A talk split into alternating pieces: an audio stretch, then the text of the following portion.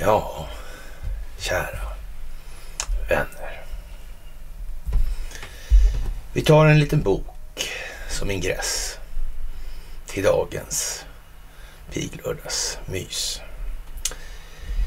Den handlar om världshistorien efter 1945. Ja, vi ska inte läsa hela. Den är skriven av en Erling Bjöl och den heter Den internationella politiken.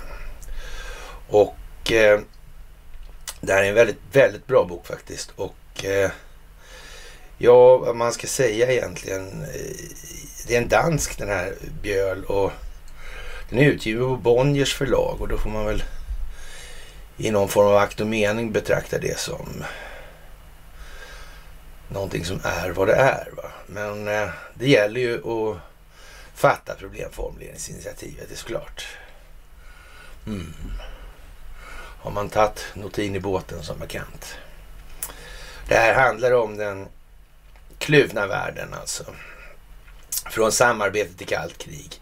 Jaltakonferensen, Potsdamkonferensen, Truman-doktrinen, FN, Marshallplanen kom in, kom i form. Alltså kraftmätningen i Europa, Londonkonferensen 47, Berlinblockaden, Atlantpakten, kraftmätning i östern, Koreakriget, inbördeskriget i Kina, otrolig, orolig samexistens, Berlin 53, det första Vietnamkriget, Genèvekonferensen, Israels födelse, Suezkrisen, Berlin, ultimatum på katastrofkurs och Kennedy, Khrushchev, Berlinmuren, Kubakrisen, osäker balans, Brezhnev, Kosygin, Lyndon B Johnson, det andra Vietnamkriget, sexdagarskriget, de Gaulle, Mao Zedong, Prag 68, Willy Brandt, kulturrevolutionen under motpartens lagar och kapprustning, vätebomber, resan till månen, vapenspridning och öst-väst-rivalitet. Det är alltså en rätt så fullödig historia det här. Och med rätt glasögon på så, ja då, den bidrar så det räcker. I den här boken sitter en lapp faktiskt så här. Och, och utan att få den saken skulle det som sticker upp här ur då, då, då står det Dall på den då. Och eh, det står, när man viker upp det här så ser man då att det står John Foster Dall. Och John Foster Dall han eh, fick, vilket framgår senare, mindre utav sin upprullningspolitik än Mao Zedong av sin. Den fick till och med en negativ effekt, men under de följande sex åren blev det ändå han som helt kom att dominera den amerikanska utrikespolitiken. Med regimskiftet i Washington skedde också en förändring av maktfördelningen mellan Vita huset och utrikesdepartementet. Medan den okände hetlevre lille herrekiperingsägaren från Missouri blev president 45 förmått sätta, som blev för president 45, förmått sätta en stark personlig prägel på de stora avgörande, ja, avgörandena, alltså, ja, så då. Ja, Eh, blev den berömde men beskedlige krigshjälten general Eisenhower en passiv och färglös president vars bristande grepp om landets ledning till slut blev något av en internationell skandal. Det var John Foster Dall som tog tyglarna och det samtidiga maktskiftet i Moskva kom att betyda att medan det under de föregående åtta åren varit Josef Stalin som dominerat den internationella politiken blev det nu Dall alltså. Och det finns ju hur mycket som helst om det här.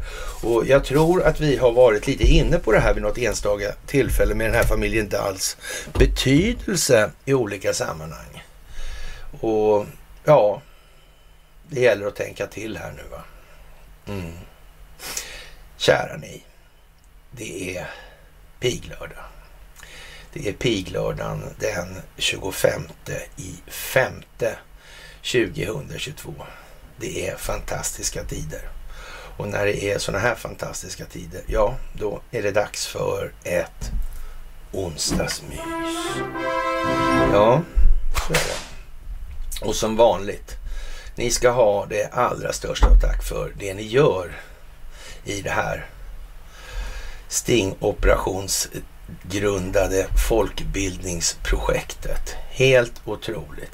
Och det här så att säga kristalliseras ut, ja, destilleras ner till sin verkliga essens just nu. Det är fantastiskt att se. Som sagt, tack för gåvor på Swish och Patreon.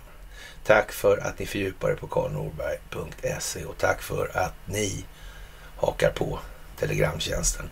Och som vanligt, ett slag för Free People's Movement på Youtube alltså. Fantastisk serie. Den går jättebra faktiskt. Det är så bra så att till och med Youtube tycker det är bra faktiskt numera. Mm. Hur var det nu med Katlahornet där? Ja, ja, ja, ja, ja. Ja, vi får se vad som framtiden har i sitt sköte. Men då gäller det först och främst att hålla reda på sitt eget kanske. Ja, ja. Och eh, vi börjar väl kan säga så här också. Bladet har lite restriktioner på sig och det ska man tänka på här nu i ett par dygn till här. Och det är lite eklut kanske som ska se igenom. Man vet ju inte. Mm. Nokias VD, han har också lite eklut som han ska igenom. Och eh, ja, han tycker att vi i princip ska operera in allting i kroppen. Mm. Vad kan det vara meningen med det lilla budskapet? Vad kan den direkta opinionsbildningsmässiga reaktionen var för någonting egentligen? Kan det vara många olika saker? Det är många tycker det bara är jättebra förstås. Ja. Vi lever ju gärna i villfarelsen kanske, eller möjligtvis tanken om att eh, väldigt många tycker det är jättepraktiskt att bara få gå och drälla och sådär. Men om det nu är så att frihet är något man måste förtjäna, precis som demokrati som vi aldrig har upplevt då. Ja, vad kan det här vara ägnat att skapa? Är inte förresten Nokia någonstans, ligger inte i Skandinavien lite grann sådär? Mm. Ingen risk att det är kontrollerat av någon? Nej. Nej. Nej. vi får väl se hur det är med det där. Alltså, man måste börja tänka till lite här nu när de här riktigt smaskiga grejerna kommer som skjuter högt över trädtopparna. Tänk att det är så in i helvete dålig eldledning på den strategiska planeringsfunktionen på sina håll alltså. Mm. De tror det ska gå klart med det där verkligen. Mm. Det är ingen som kom på idén att lansera nya covid-vaccin i alla fall. Så mycket kan vi säga. Varför inte då då? Mm. Pilutta liksom. Ja. ja, ja, så är det med den saken. Ja, som sagt, det högg någon direkt på här, men ja. Planeringsenheten på det här eh, 2030 VEF-jippot är verkliga genier alltså. Tänka sig. Ja, ja, man får väl ana en viss sarkasm där från herr Tobias faktiskt. Det är väl inte utan va? Och, och ja, det är ju lite som det är alltså. Det får man väl ja, räkna ut helt enkelt. Jaha, Jämställdhetsmyndigheten, fler kända fall av människohandel i fjol. Vad konstigt. Ja, det är konstigt alltså. Hur kommer det här så att det syns mer nu helt plötsligt? Har det blivit så mycket bättre kommunikationsmöjligheter? Mm. Är det så att det finns någon kärn ämne. Jag vet inte, men det här kommer vi tillbaka till naturligtvis. Ja, det är lite hårt faktiskt att vara svensk snart. Det måste man ju säga. Och eh, i eh, Calcutta bygger man ut skateparken och det tycker jag är viktigt. Jag tycker det är roligt. ja, man har sina böjelser här i världen. Det är ju så. Ja, om det leder till något bra frågar Hermansson då, det vet fan alltså, men uh, roligt ju. Kanske inte så produktivt ur ett geopolitiskt perspektiv, det kan jag hålla med om. Men ba barnen får bra balans i alla fall och de lär sig låta bli att gråta sig in i helvete och gnöla för att de slår sig. Det kan ju vara bra, kanske.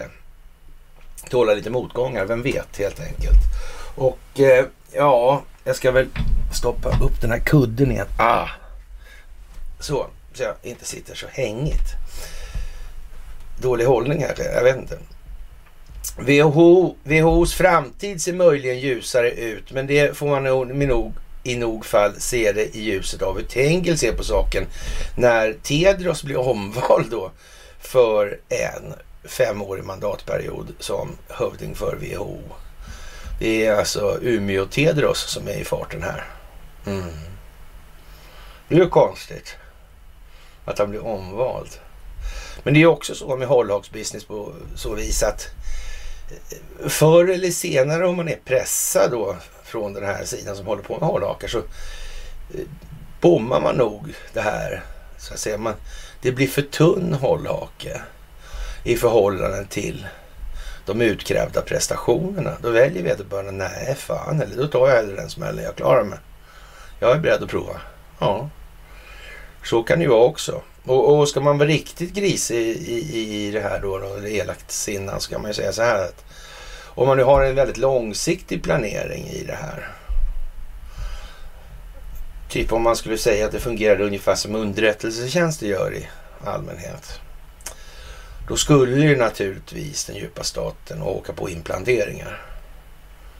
Det tror väl fan det. Och de skulle ju sitta så nära kärnan det någonsin gick. Mm. Vad sa jag för någonting då? I ljuset av vi Tengil på saken. Vad fan har det med någonting att göra? Han fick ju inte jobb där om inte så. Han fick ju inget jobb där va. Och det var Tedros som krånglade. Mm. Och, och, och, Och, ja, en inte oansenlig kraft från svensk sida i det här lades ner på att försöka få någon stil på saken. Mm, det är konstigt. Mm. Kan det vara planerat det här? Mm. Kan det vara för att exponera? Kan det vara för att skapa optik? Skapa bilden av det här så att människor får en egen förståelse, bildar en egen förståelse, en egen insikt. Insikt som inte kan göras osedd när den väl är sedd. Ja. Det kan vara så, för det går inte att backa. Det går inte att få de här som har sovit att somna om. Det går inte. Nej. Det är lite lattjo. Det är ju, ligger ju i tiden får man ju ändå säga så här. Jaha, och eh, många skriker naturligtvis korrupt-svin och allt det här. Men, men det gäller ju nu alltså att tänka till lite vad det är man ser framför ögonen. Det går alltså inte att, att spela det här som hundar, liksom kraft mot kraft. Alltså det går inte. Det, det måste vara omfall, alltså man måste luras. Och det gäller ju det gamla talesättet, det krävs en tjuv för att upptäcka en tjuv och sådana grejer. Mm. Det finns en anledning till de gamla talesätten faktiskt. Många förkastar det här helt. De vill se liksom gripanden och eh, avrättningar och hej kom och hjälp mig. Direkt. Vi minns allihopa hur det har hållits på med det där. Den är redan avrättad och den är redan... Alltså, da, da, da, da.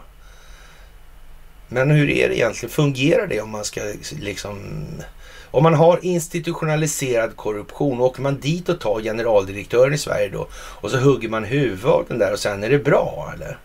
Då blir alla andra ärliga. Själva strukturens funktionsmässiga innehåll och innebörd, det, det ändrar sig radikalt då alltså. Alla slutar bara med de etablerade beteendena som har funnits hela tiden längs, längs resan. Menar man så att det är så det går till? Jag kan eh, komma med en liten eh, upplysning till ledning och vidare upplysning. Nej, det är inte så. Det är inte så alls. Nej, nej, nej, nej, nej. Så. Det fungerar inte så. Det är inte så man tvättar ett sånt här byk. Helt jävla säkert. Ja, det är ju fantastiskt. Och det är fantastiskt det här med kunskapsträdet eller Yggdrasil också. Connys och Grevbergs små sammankomster där. Bravo! Det uppskattas. Som sagt, det här kan inte bygga på att jag sitter i enskilda samtal med hela befolkningen. Det fungerar inte så. Det kommer aldrig fungera så. Jag är bättre på att skaffa sådana som Conny och Grevberg och ja, människorna bakom Free People's Movement. Ja, jag också där kanske lite grann. Men, ja, det är liksom så det går till. Och sen drar det med sig vidare. Som drar med sig vidare. Vidare ledning, upplysning till vidare ledning, upplysning. Sen växer det här på bredden istället. Samtidigt så ska ju farten hållas framåt. Och det är viktigt att göra det också. Annars går det inte. Då kommer vi stå på ett led linje vad det lider. Och då står vi stilla. Helt plötsligt. Alla kommer aldrig någonsin i hela jävla helvetet att kunna förstå lika mycket samtidigt. Det finns inte. Och det här måste man förstå.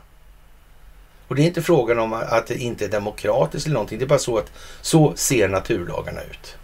Och det har vi att anpassa oss efter. Varken mer eller mindre. Det är inte tråkigt. Det är inte roligt. Det bara är. Helt enkelt. Och det kan man därmed rycka på axlarna åt och acceptera. Så behöver man inte lägga värderingar i det mer. Ja, och eh, ökade befogenheter för både Säpo och FRA och utökad övervakning av svensk datatrafik. Det är några av åtgärderna som Moderaterna vill driva igenom för att minska hybridhoten efter Sveriges NATO-ansökan. Det finns starka skäl att stärka vår förmåga att hantera, identifiera och bemöta de här angreppen, säger försvarspolitiska talespersonen Paul Jonsson. Och, och, i det kan vi väl säga så här, man, man har naturligtvis inte alls avlyssnat folk så mycket man har kunnat och sådär. Det har man bara hjälpt andra länder med och så vidare. Det har man aldrig använt den utrustningen eller den teknologin för att hålla på med här hemma. Och, och, man skulle ju till nöds kunna säga så här, det vore väl själva fan om de inte hade gjort det. Då hade vi kunnat undanröja alla eh, ja, terrorhot och sådär. Men det, det kom ju en liten brasklapp med det då. Mm, det är ju det. Man har använt de här. Och man är lika förbannat inte undanröjt alla de här terrorhoten. Man säger Turkiet för någonting i tider som dessa? Aha, ja, ja, ja. Det är en inkubator för terroristverksamhet. Nämen, vad konstigt. Vem kunde anat? Ingen naturligtvis. Ingen, ingen alls. Ja, så för att minska hotet från spioner och sabotörer som verkar i Sverige. Ja, det är ju till att låta alltså. Eh, ja, så vill Moderaterna ge Försvarets radioanstalt, FRA, en utökad roll. Partiet har också tidigare gått ut med att man vill att lagstiftningen ska ändras så att FRA också får avläsa datatrafik mellan avsändare och mottagare som befinner sig i Sverige. Nej men fy fan. Och i den mån man inte har gjort det själv, det har man naturligtvis redan gjort, men då har man då lite i sken av det här med ja, den här rättegången som var i Västsverige. Den här stora. Man har då lagt ut det här på entreprenad till andra underrättelsetjänster. För det går ju liksom inte att förbjuda dem. Och skulle någon upptäcka att de andra underrättelsetjänsterna håller på med den här typen av avlyssning. Och, och, och de är ju förmodligen inte så, sitta, så intresserade av att sitta med det där jävla extra jobbet. Så det har ju rationaliserats bort så att säga. Men förklaringen är alltså det är andra underrättelsetjänster som möjligen gör det här då. då. Och, och ja, Sen börjar man då diskutera om det här har juridisk grund att hålla på med det, eller rättslig grund. Och, och det har det naturligtvis inte om man särskådar det tillräckligt noga. Det är helt självklart. Ja, och nu vill man även ge FRA i uppdrag att ta fram nya tekniska lösningar likt TDV som är FRAs tekniska detekterings och varningssystem. Eh, och, och Ja, likt TDV. Man har ju ett sådant system redan. Vad konstigt. Ja, systemet används idag för att avläsa all trafik som mejl till och från en rad svenska myndigheter i syfte att kunna varna för IT-angrepp. Och, och, man lovar med andra ord och implicit då att helt och dyrt, det har man inte använt i någon övrig utsträckning än det. Mm. Och de här tillsynsorganen de är naturligtvis helt oberoende och det här vanliga Stockholms byråkratiska ja, dispositionen. De är disponerade enligt den modellen helt enkelt. Mm. Jaha, ja men vad då så? Vad bra då. Eller kanske är det så att folk ska vakna även i det sammanhanget. Och, och ja, som sagt, det här handlar inte om att det ska bli lagligt. Det handlar om att människor ska förstå, för, alltså de ska tänka efter i det här.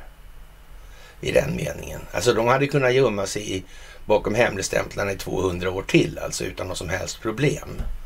Men, men nu kommer det så här och då är det, finns, det, finns, ja, det finns ett opinionsbildningssyfte bakom att publicera den här typen av värdeladdningar i informationen. Det är en tanke bakom det naturligtvis. Det är inte bara som man skriver. Så där, man har ingenting annat att skriva. Och, och, det är ju liksom som man tänker så här, det, det paradgrejen som jag brukar tjata på närstående med. Så att det är ju själva fan alltså att det är nyhetstorka i ett land med ägardirektivstyrda opinionsbildningsmedier. Beror det på att befolkningen ska behöva vila hjärnan då eller att de som är, håller på med det här inte orkar engagera på sommaren? Eller vad, vad är frågan egentligen? Mm. Nyhetstorka på planeten. Mm. Med ägardirektiv ägardirektivstyrda opinionsbildningsmedier. Jaha, så pass alltså. Det kan vara så. Ja, ja, man vet ju inte. Jaha, Sri Lanka har sedan krigets slut 2009 varit en ekonomisk framgångssaga, skriver Financial Times då, som man tar det för en indikation på var vi ska någonstans, i ett reportage. Med en årlig tillväxt på 9 procent har landet haft en inkomst per capita högre än grannen Indien. Nu är situationen annorlunda. Landet är på väg att gå i konkurs och förhandlar med IMF om ett stödprogram på 4 miljarder dollar, motsvarande 39 miljarder kronor. Den som kommer att leda förhandlingarna är premiärminister Ranil Wickremesinghe eh, som även blir finansminister och här kan vi väl eh, ja, dra vissa slutsatser då direkt. Då. Mm, det rapporterar Reuters då i alla fall. Frågan är hur Kina, en av de största långivarna, kommer att reagera på situationen. Ja, det här är alltså ett globalt folkbildningsprojekt och därför vi tar sådana här riktigt stora hopp nu i det här. Vi hoppar från ena planetsidan till den andra. För det är i grund och botten, IMF är väl någon form av bankverksamhet, är det inte det? Mm. Ja, Världsbanken, IMF, Bretton Woods, Allen Dull som vi började med och läste om. Vänta, de är med i det här alls? Allen Dull var inte med i sin egenskap av utrikesminister ännu, men John Foster var i farten i det här OSS-sammanhanget. Det var han. Mm. Och BIS var Thomas McKittrick och hans idol var Marcus Wallenberg. Men ingen kände varann. Mm. Ingen alls. Och de här två underfunktionerna till BIS, de var... Ja. Men de behövde inte lyda någon bankreglering. inte, nej. inte alls. Inte alls. Ja, ja, ja. Jaha, det är det mest intressanta fallet på flera år. Det kommer bli massor av låginkomstskuldkriser och behandlingen av Kina i allt detta kommer att vara avgörande, säger Gabriel Stern, tillväxt, tillväxtmarknadschef på Oxford Economics till affärstidningen. Tja, ursäkta. IMF eller Kina. Magda har ju sedan gammalt koll på IMF, hon har ju varit där. Men har lite andra bestyr just nu faktiskt. Lustigt att det hänger ihop alltihop här som sagt. Och långivare, de brukar väl vara först att syna. Men hur är det egentligen i det här läget? Hur, vilken opinionsbildningsmässig effekt får man av det här man tror? Om IMF börjar strama åt tyglarna där. Vad blir det för något? Blir det bra det? Ja. Konstigt det där alltså. Mm. Ja, det där får man ju fundera lite på hur man...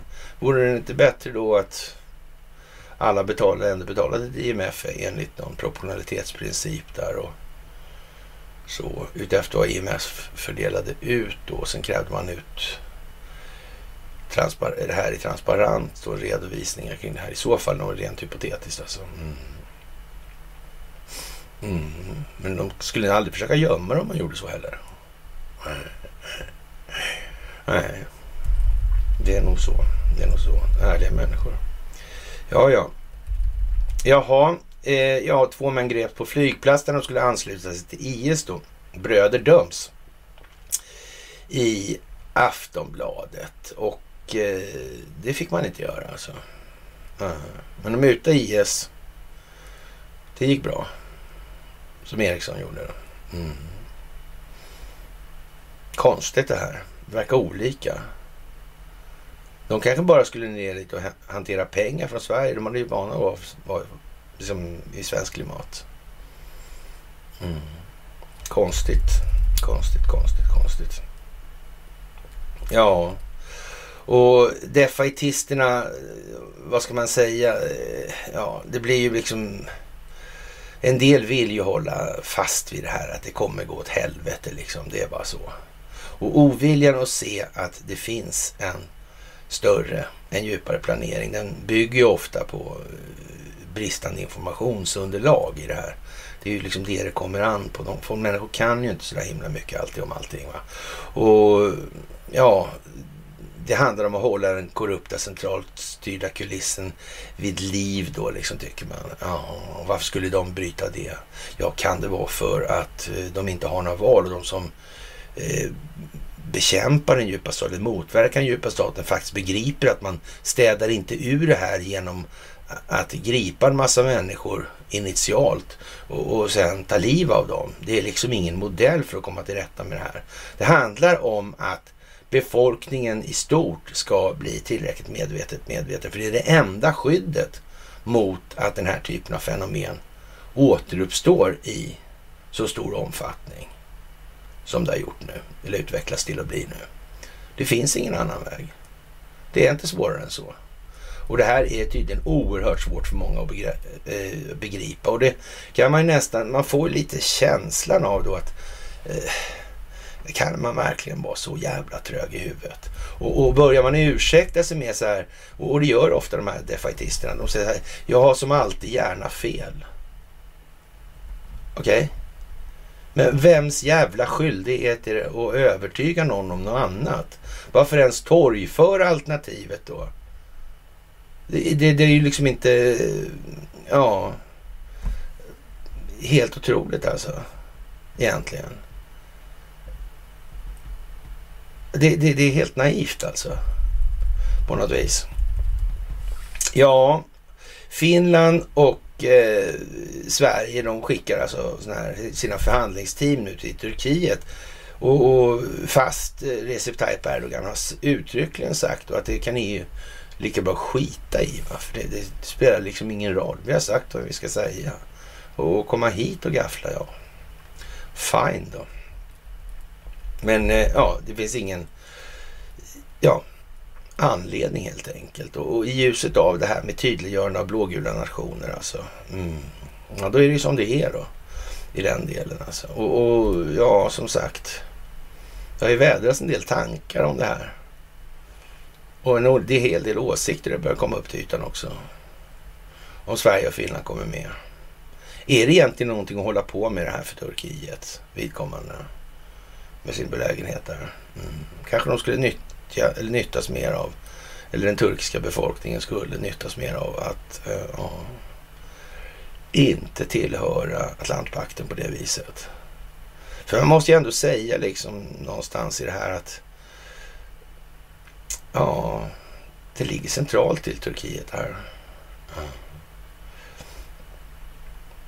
Det här med ja, inte Sisyfos, men kanske mera den där med örnen och den där stenen och ja, Prometheus-myten kanske. Aiskylos skrev den. Kanske mera det då. Mm. Känns lite mer som att det har med själva det bärande temat kontrollen över strategiska naturresursflöden och grejer. Faktiskt. Det känns som det har med centralbanken. Har inte Erdogan varit lite på det med centralbanken? Jag tror det, jag tror det, jag tror det faktiskt. Mm. Konstigt. Mm. Det är där man skaffar sig strategiska partners. Inte minst i vapensammanhang. Eh, man säljer inte strategiska vapensystem till de som man inte vet ska vara kompis med en själv då. Lång tid, det gör man ju inte. Man är ju lite trög i huvudet. Ja, faktiskt. Ja, faktiskt. Det är ju sådär med Sverige och det här inkubatorn för terrorism alltså. Delegationerna här de träffas då klockan 12 svensk tid idag, alltså alldeles nyss. Och då slår de sig ner vid ett bord med såväl diplomater som jurister då. Från svensk sida deltar statsminister Magdalena Andersson och statssekreterare Oskar Stenström. Finland har skickat Jukka Salovara, motsvarande kabinettssekreterare på finska utrikesdepartementet. Det ska ha konsultationer med Turkiets representanter som består av presidenten Erdogans talesperson Ibrahim Kalin och biträdande utrikesminister Sedat Önal.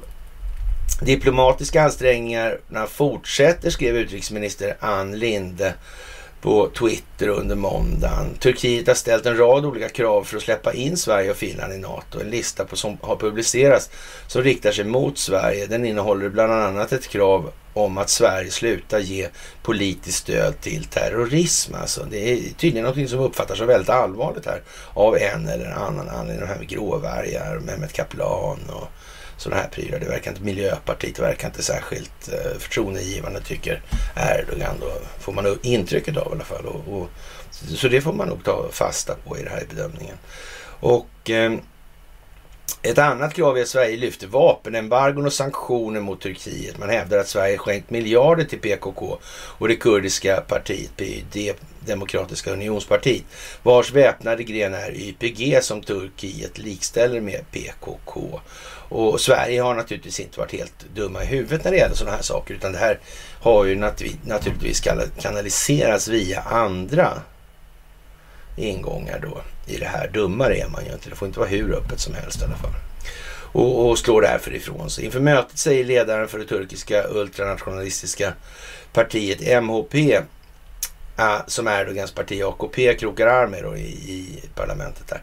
Det är väl ett Baseli att eh, Turkiet borde överväga att eh, lämna NATO om inte Sverige och Finland uppfyller sina krav. Redan där alltså.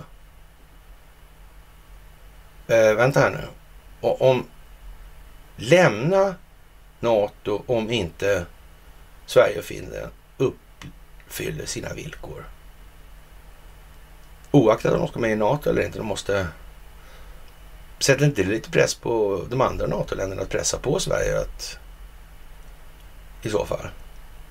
Att Turkiet lämnar NATO, det har inte resten av NATO råd men det finns inga under, omständigheter, inga, under inga omständigheter en möjlighet ens. Det är väldigt hårt sagt. Mm. Ja, ja, det är lite konstigt. Turkiet står inte utan valmöjligheter lägger man på här sen då. Även att lämna NATO borde finnas på bordet som ett alternativ om omständigheterna blir olösliga, säger han enligt tidningen Hurriets engelska upplaga. Nej men se på fan. Det var ju konstigt. Jag vet några som har, några i allmänhet och kanske någon i synnerhet som har anfört någonting om det här med de här djupa staten kontrollerade övergripande strukturerna. Mm. Överstatliga liksom. Det är något lurt med det här alltså. Konstigt. Hm. Ja, det är ju rätt så dramatiskt i alla fall måste man ju säga. Och eh, ja, hur mycket facit har Magda egentligen på hand då vid ett sånt här möte? Ja, och motparten tycks ju vara glasklar. Och han är väl inte intresserad av att ha möte med någon överhuvudtaget.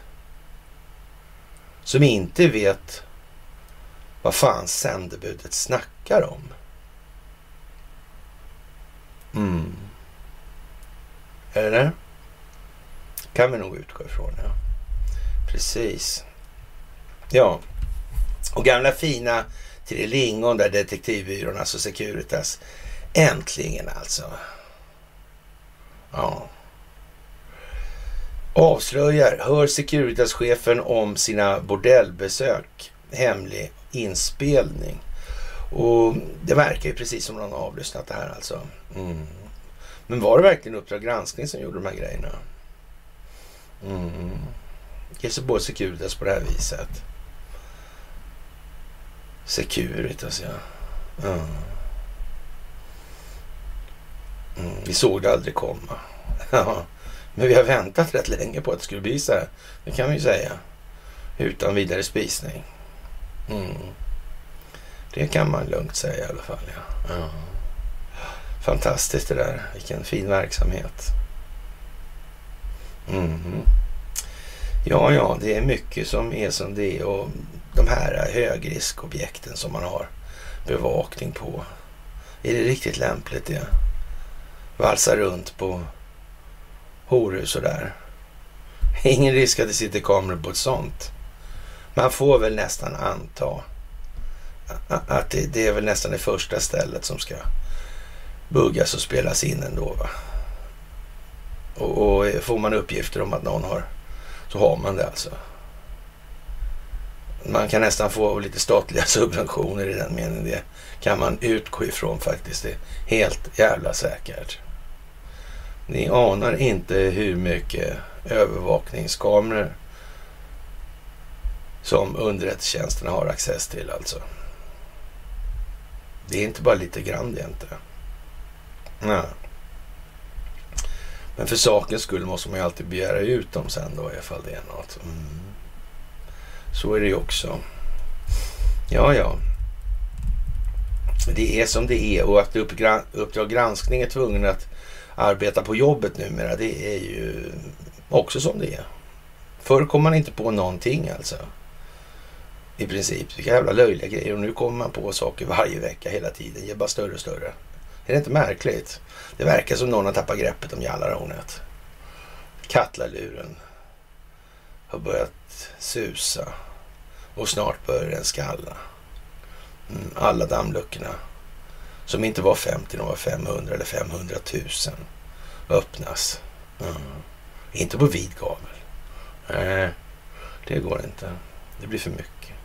Då börjar folk slå för... Blir det för mycket information på en gång då?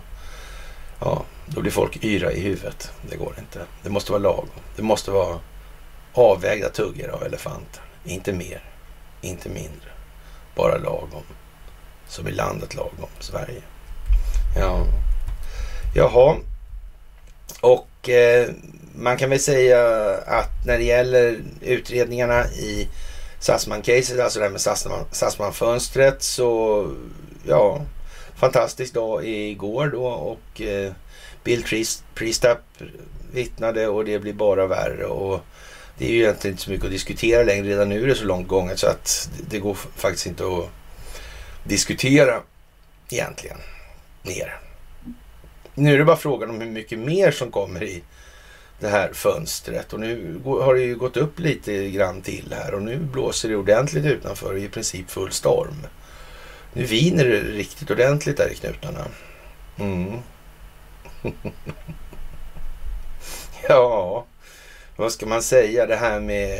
Vad gjorde FBI egentligen? Jag vet inte om jag, ni har kanske hört mig säga någon gång. En gång kanske i alla fall. Eller jag kanske sa det bara för mig själv. Att eh, vad ska vi med de där underrättelsetjänsterna till? Har inte de vuxit till sig lite för mycket? Och där, där kommer Nallen Dallin igen. Då eh, CIA-chefen och brorsan med John Foster som vi började med. De kände varandra faktiskt, helt säkert. Ja. ja, I alla fall hade de advokatfirma upp den där Sullivan Cromwell där som Jack Maas polare jobbade och Josef Sayan jobbade där innan han gick till Investor och sådär. Innan han startade Alibaba tillsammans med Jack och anställda, anställd och anställde men Börje fick bli en form av direktör där helt enkelt. Mm. Och sen blev de techmiljardärer. Ja, jävligt bra alltså. Vilket upplägg. Stjärnor. Mm. Men det sitter inte ihop. Inte ett jävla skit någonstans. Nej, nej. Då vet vi det igen. För vilken gång i ordningen? För den ente kanske möjligtvis. Jaha. Ja, de här ja, så att säga, verksamheterna som bedrivs i Ukraina. Det är, det är lite eljest helt enkelt. Och, och, några grejer som man kanske inte tänker på. Det är ju alla de här äh, miliserna och sådär. Och det är legosoldater. Det är som ingen reagerar på. Men vem fan är det som betalar lönerna? Var kommer de pengarna ifrån? Ja, ukrainska staten är ju inte så jävla tät så det stör. Nej, det är det ju inte. Så är det ju inte. Nej, var fan kommer pengarna ifrån då? Ja, det får man fråga sig lite grann och vi kommer tillbaka till det vid flera tillfällen den här gången. Och eh, ja, det måste ju komma någonting så det eh, kan ju möjligtvis tänkas vara planerat det här då, då att eh, lukten av internationellt fögderi börjar bli påtaglig i, i Ukraina. Alltså. Och, och man kan säga så här, vad, var Zelensky sa det här med blågult va? Det skulle spridas på något vis. Alltså det skulle sättas på världskartan de här blågula länderna. Det var en jävla konstig grej att säga alltså. Och det känns lite grann som att det håller på att bli en blågul pandemi av det här då, då om man får vara lite lustig. Det är inte särskilt lustigt, det är tragiskt. Men ändå då. Eh, det där med att stillatigande samtycka till att eh, på ett brutalt vis lägga sig i andra länders inre angelägenheter kommer inom kort att visa sig vara ett hyfsat allvarligt begånget fel. Ja, men det är ju så alltså. Det är ju precis så det är. Och eh, det här med failed state, alltså när stat havererar alltså. Mm. Lite grann som det där med Ryssland nu då. Obligationerna ser ut att kunna göra. Vågar man verkligen göra så? Ja, blir inte det förtroendemässiga effekter som sprider sig? Har inte det en viss påverkan på trovärdigheten hos det seniora kapitalet? Om det, inte, om det är sagt att det inte kan och ändå gör. Mm. Hur blir det då egentligen? Vad är det värt då det här seniora kapitalet? Att det är någon form av godtycklighet vad det är värt. Gör som vi vill annars blir det ingenting någonting värt någonstans. Kommer alla acceptera det? Nej, knappast.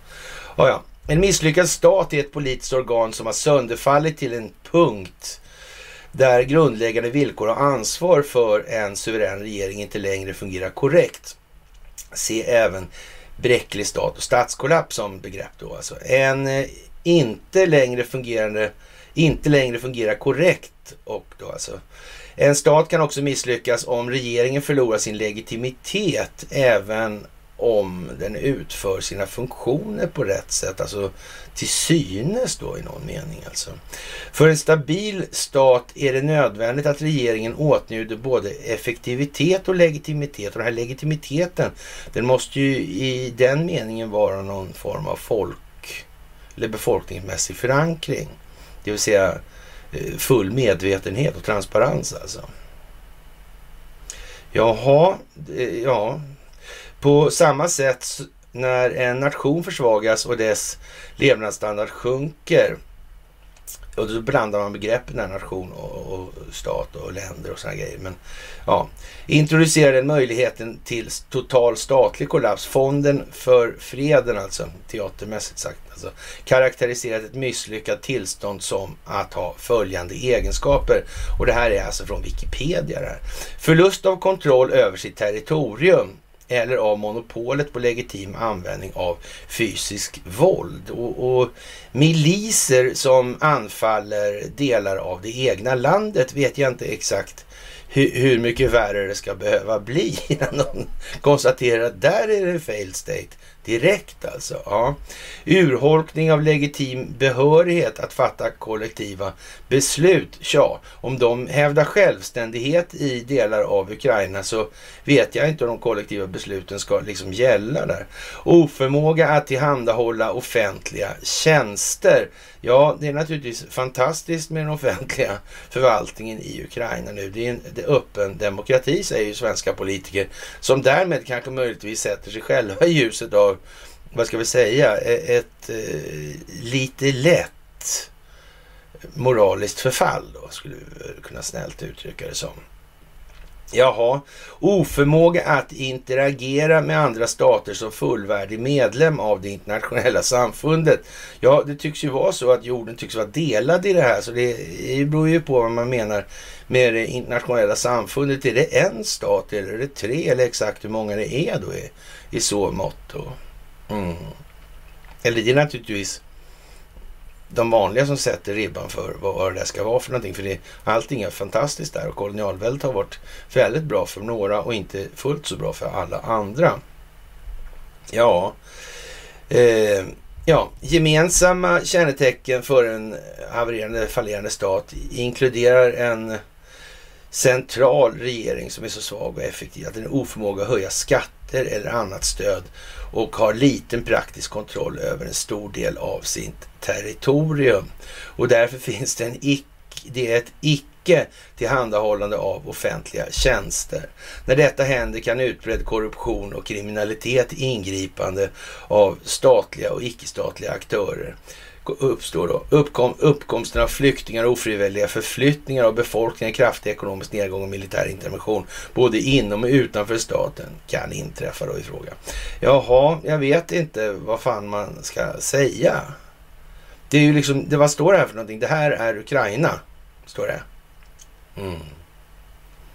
Att säga att Ukraina är någonting som helst annat än en havererad stat Fail state. Alltså det, jag vet inte, det, är ju själva definitionen på det här som står på Wikipedia och, och det får man ju ta på orden då. Det, det, så säga, det skulle inte stå där för då hade det varit bortcensurerat annars. Ja, det, det måste man ju utgå ifrån. Då. Det kan ju ingen klaga på att man använder det. Så. Mätvärdena utvecklas för att beskriva nivån på styrning av stater. Den exakta nivån på statlig kontroll som krävs för att undvika att betraktas som en misslyckad stat varierar avsevärt mellan myndigheter i fråga. Då. Dessutom är förklaringen att en stat har misslyckats generellt sett kontroversiell och kan, när den görs auktoritativt ha betydande geopolitiska konsekvenser. Ja, jag vet inte det här med att förbjuda andra partier som Zelenskyj har gjort. Det, är det liksom ett grundläggande kriterium för att inte vara en havererad stat? Nej, jag tror tvärtom alltså. Mm, konstigt. Tänk att ingen har upptäckt det där. Vad märkligt. Det är ju konstigt. Man skulle ju säga att eh, i, från rysk sida ska man kunna känna sig rätt trygg i det faktiskt. Det, det verkar ju... Det finns ingen stat. Det finns ingen part att förhandla med så tillvida. Och, och det här med valet av Zelenskyj undrar jag så undrar om gäddan är en fisk.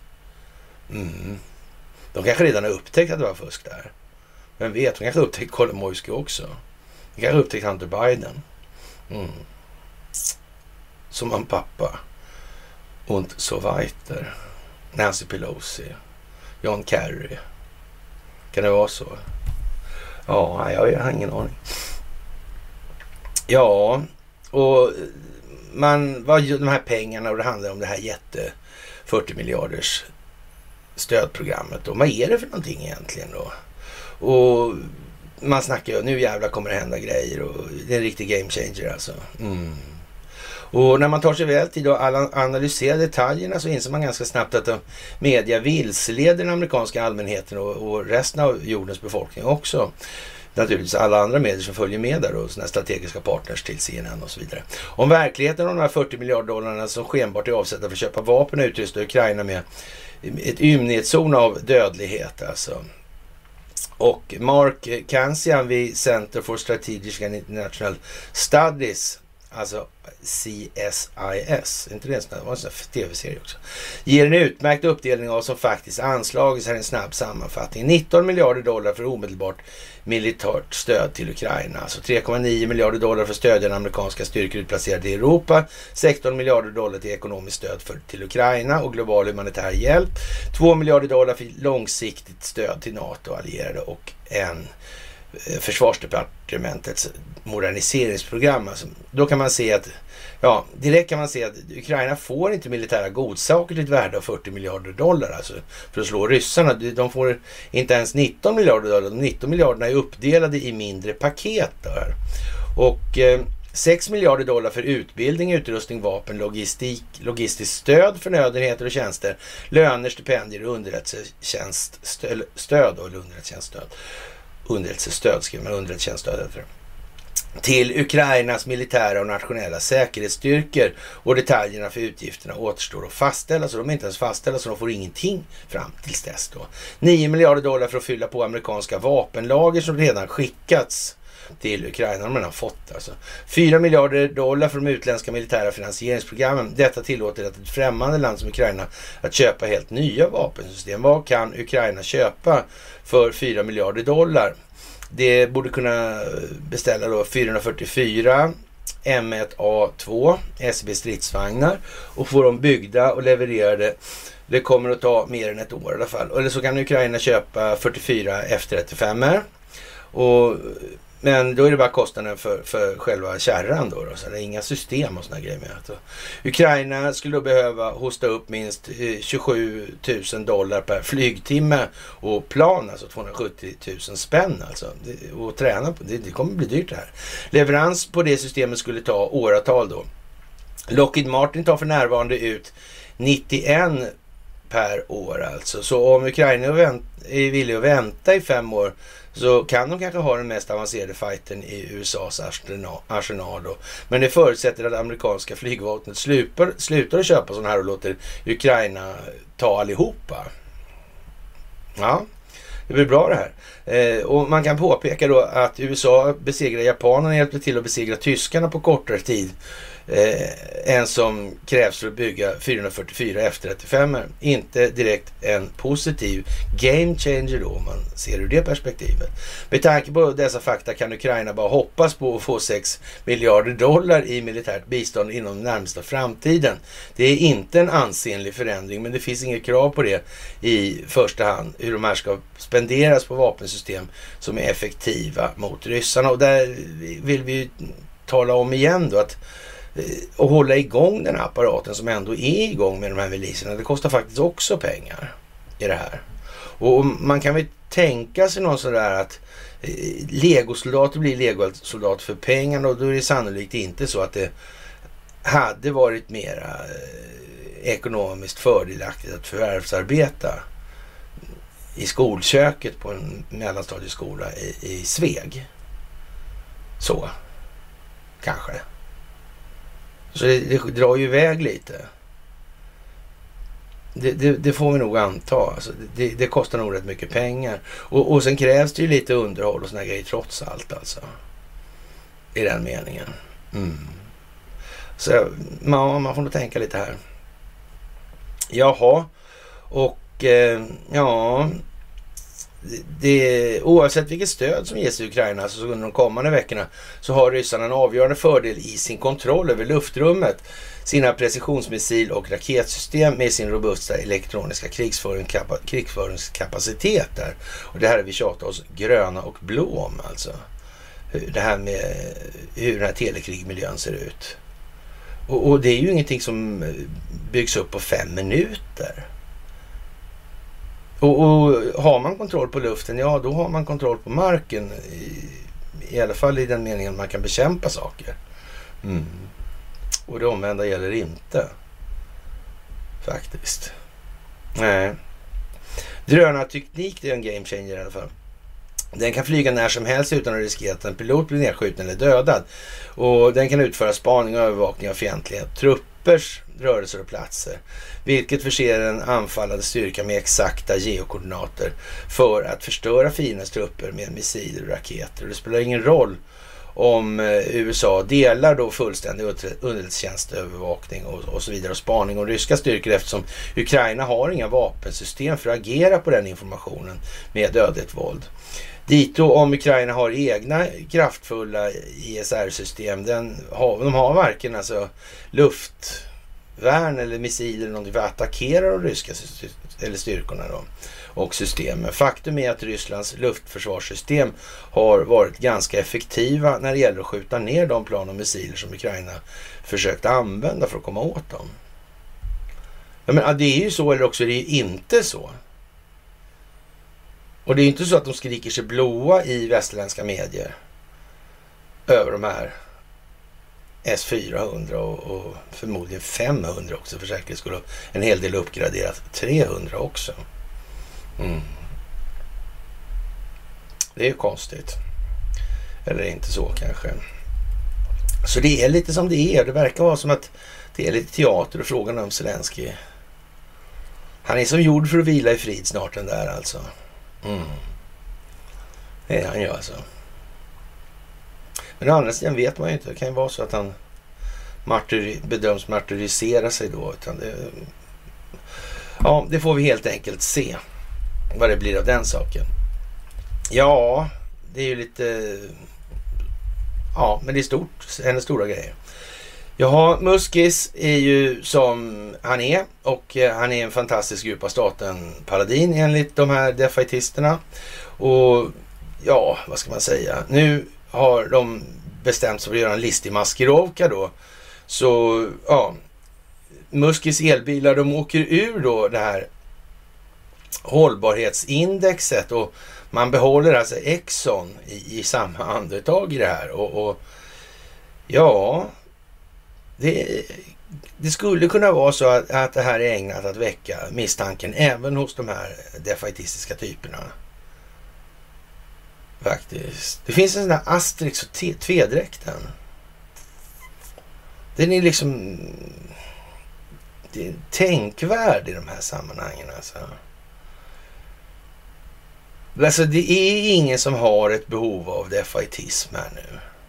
Och, och, och ska man hålla på i defaitista så bör man ju komma med en lösning då i, i den. Eller, alltså, eller i alla fall en väl underbyggd problemformulering som man klarar av att enas runt. Det, det, måste ju vara en grundläggande förutsättning. Det är ingen idé att komma. Är man inte ens på den nivån så då är det ingen idé att gå vidare.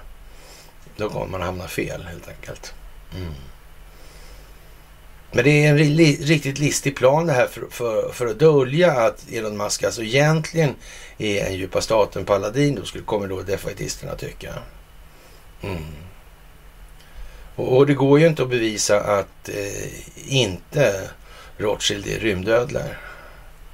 Och att den mystiska judekonspirationen och satanisterna och djävulusiska och lalalaiska... Mm. Jag gör ju inte det. Och vi kan inte mäta ut saker heller och extra, extrapolera. Vi kan inte få en kursriktning utifrån en historisk punkt fram till vårt nuläge.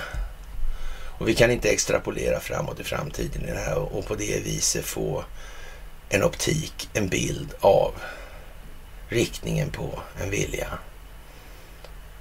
Som grundas på ett syfte alltså. Mm, mm.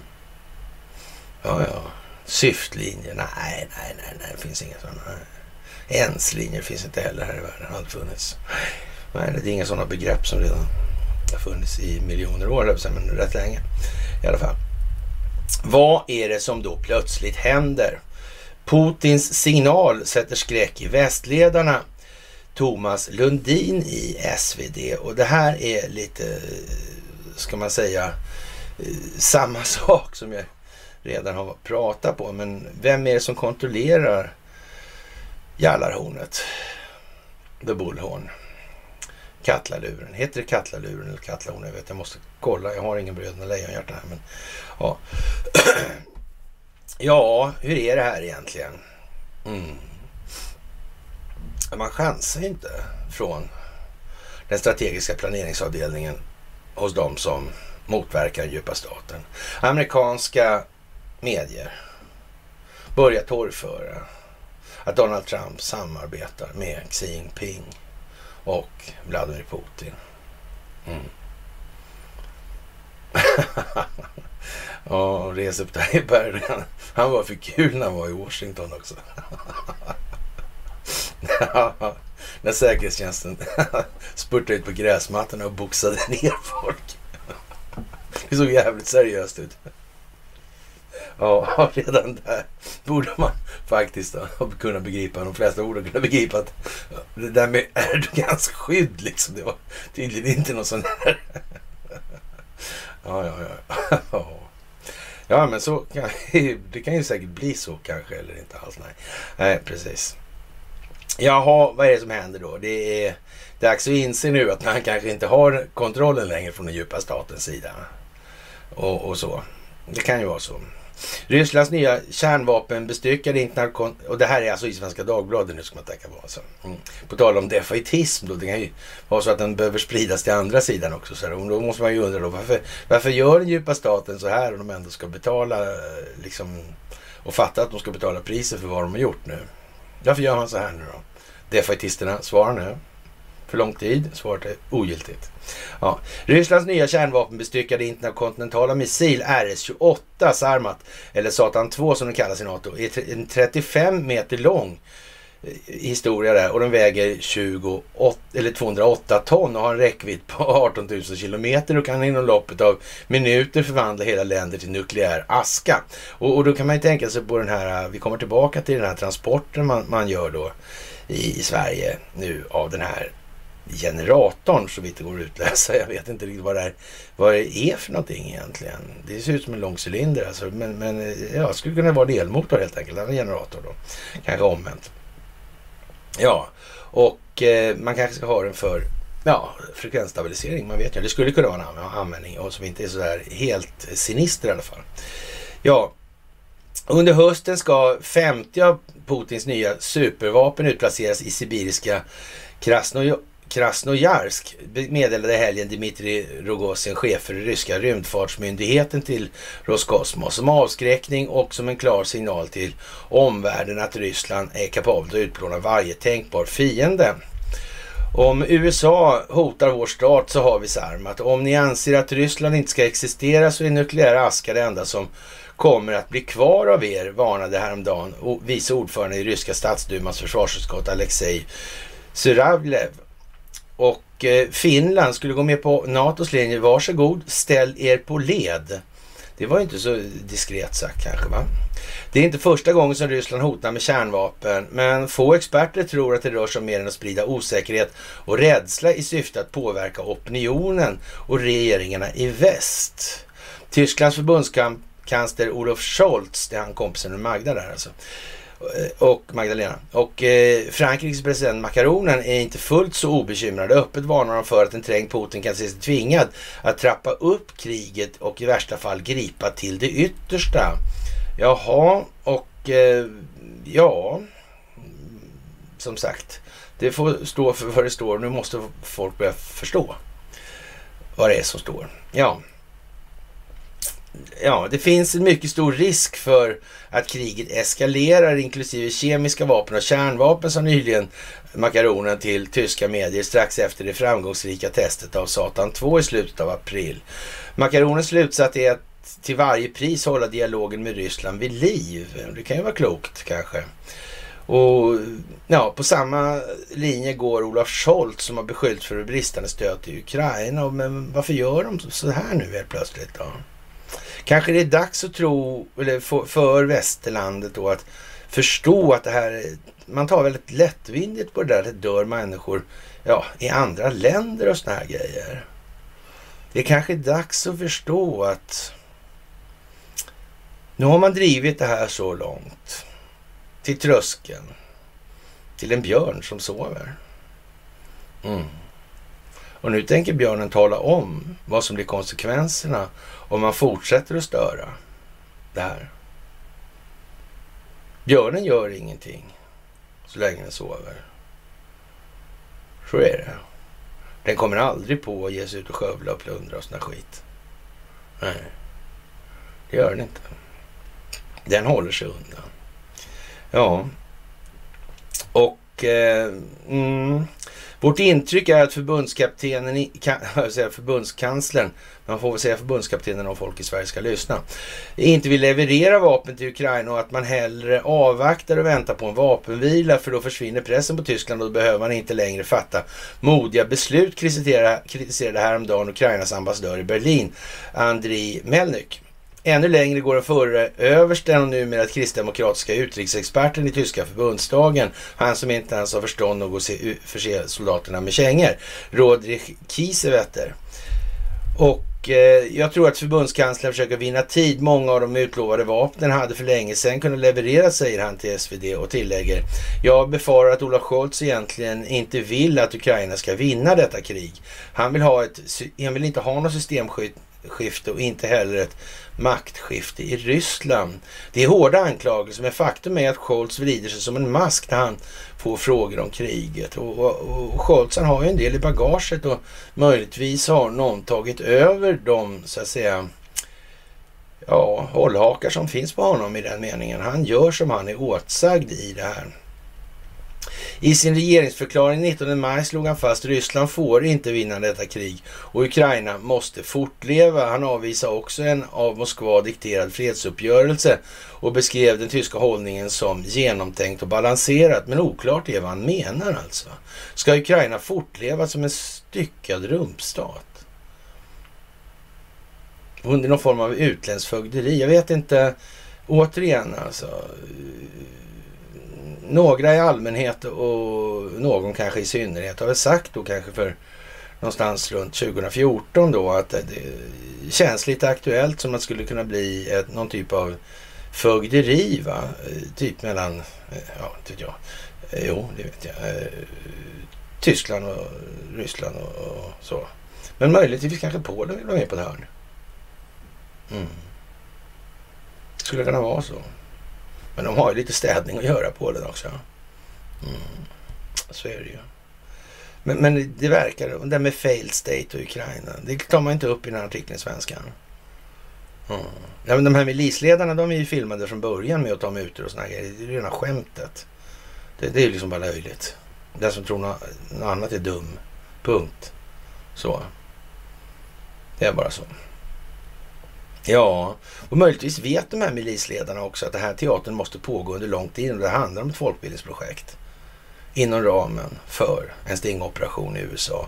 De kanske klarar av att läsa då att det här och har räknat ut att det här är någon form av koordinerad insats och så länge det här måste hållas igång för folkbildnings skull så sitter de rätt säkert. När det här börjar gå mot sitt slut då är det dags att ge upp. Om man inte har lyckats smita ut innan, vill säga. Mm. Och man kan väl säga så här, de riktiga äggen som vet att de inte har någon chans att komma undan i det här, ja, mm. de lär ju stå där med skallen mot kaklet nu. Jaha, ja, ja, ja, ja. ja. Ska Ukraina fortleva som en styckad rumstat Eller som en återställd nation inom gränserna för före den ryska invasionen? Ja, vad var det för gränser då?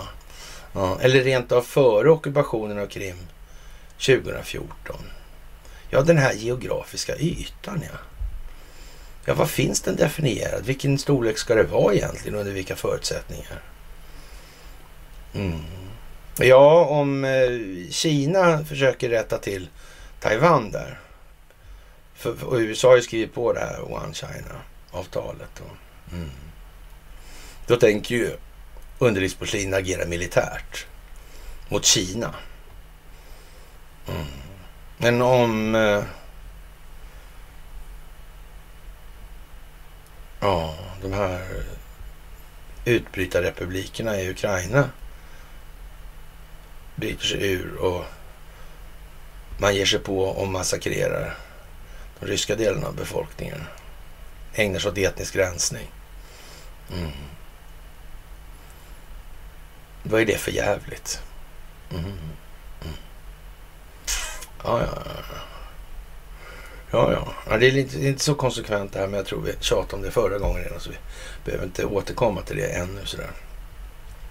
I omvärlden växer osäkerheten om, det var tysk, om var Tyskland står och varför EUs viktigaste land svävar på mål istället för att leda i det här. Ja, kan ju man ju fråga sig. Kan det vara så att det inte finns så många ledare kanske? Till skillnad från Storbritannien, Storbritanniens Boris Johnson och ledande amerikanska politiker som öppet säger att målet är att Ukraina ska vinna och Ryssland försvagas till den grad att det aldrig mer kan starta ett angreppskrig i Europa. Ja, man får väl anta att Boris vet vad han gör faktiskt. Med Stefan Meister och eh, vid German Council of Foreign Relations, CFR alltså, eh, varnar för att eh, döma ut Olof Scholz. Han tror inte att Scholz viker sig för Moskva.